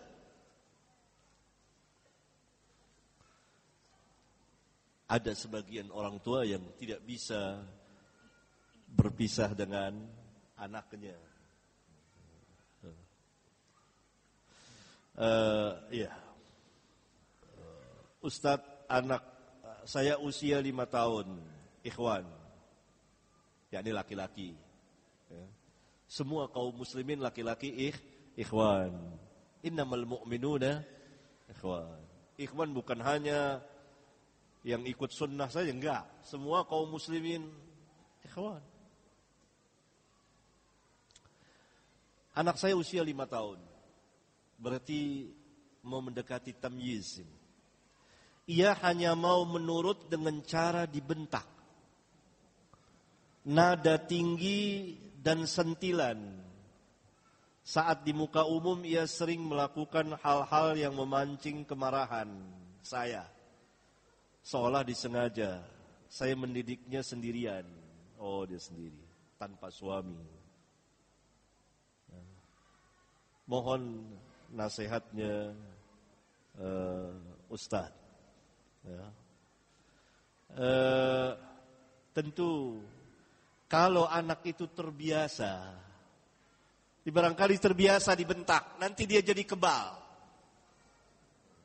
Karena itu Nabi SAW tidak pernah memerintahkan memukul anak. Kecuali sekali, satu. Usia 10 tahun meninggalkan sholat, pukul. Karena kenapa? Dikhawatirkan anak ini terbiasa. Tidak mau mengerjakan sesuatu kecuali kalau dipukul. Maka cara seperti ini harus dirubah. Diusahakan, dilatih. Bagaimana agar ibu atau bapak tidak sampai memukul. Dengan kata-kata yang itu pertama. Kedua bentak. Nabi SAW tidak pernah memarah-marahi, membentak-bentak anak-anak. Enggak. Karena itu akan mempengaruhi kejiwaannya. Dan berbahaya untuk pertumbuhan anak. Kita lihat tadi contohnya bentaknya kecil. Eh, eh, ringan. Tidak seperti bentakan terhadap orang-orang dewasa Nah ini harus kita latih, kita rubah. Biar bagaimana harus kita usahakan. Apalagi ibu, ibu penumpah kasih sayang yang dalam kepada anak. Ya, Uh, ini nggak diterangkan ke mana ayahnya. Kalau ayahnya di masing hidup, meninggal, maka ayahnya disuruh lihat anaknya. Bisa jadi karena tidak ada ayahnya. Ayahnya meninggalkan dia. Kalau mati ya qadar Allah. Kalau masih hidup ayahnya maka ayahnya harus penuh perhatian. Ya. Tentu akan terjadi ketimpangan. Apalagi sudah kejadian seperti ini. Maka ini ibu yang bertanya harus merubah keadaannya supaya anaknya tidak terbiasa nanti. Ya.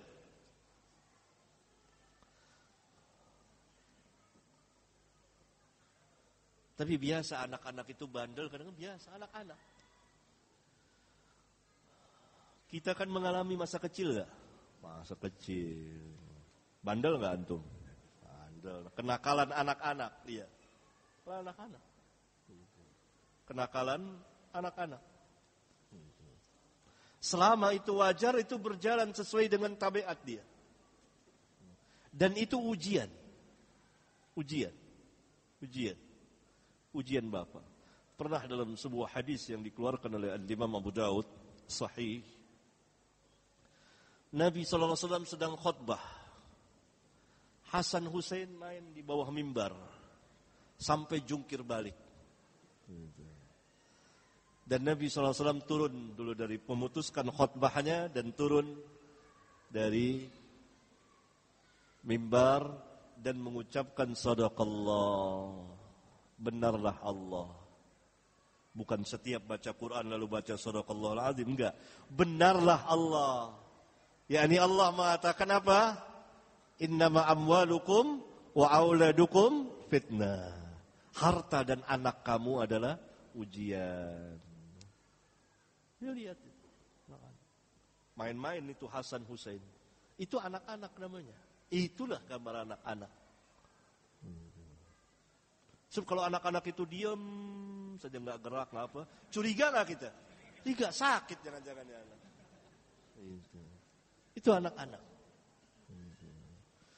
Barangkali dia ingin diperhatikan, anak-anak. Seperti itu. Dan Nabi SAW mengalaminya. Bismillah Ustaz berikanlah trik-trik agar saya bisa mendekati dan menyentuh anak-anak yang secara terus-menerus berkumpul-kumpul di pinggir jalan. Setiap menjelang maghrib sampai dengan larut malam.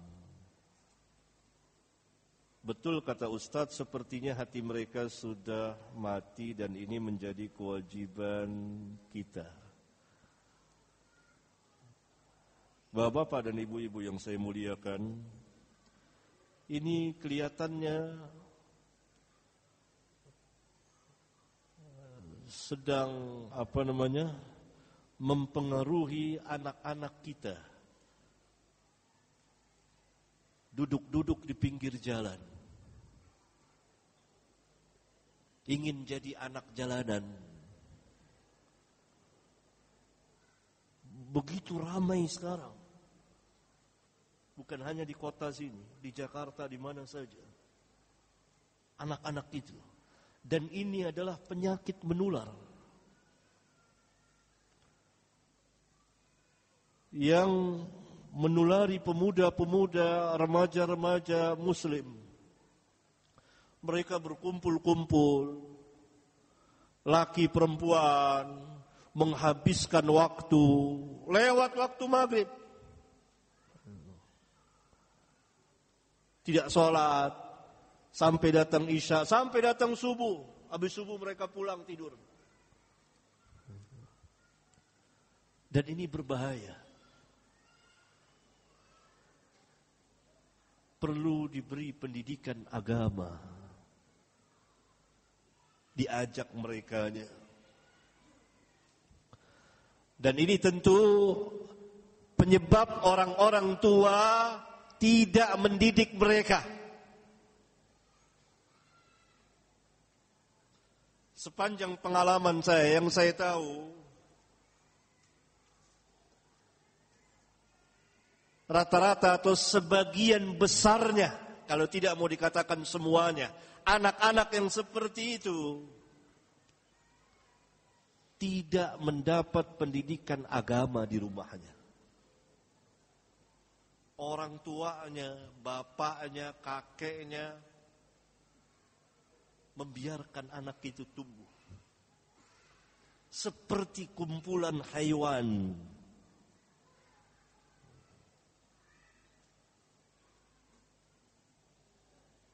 Tidak ada yang memberikan pendidikan agama kepada mereka. Sehingga mereka tidak takut dosa. Lupa mereka itu dan hati mereka mati.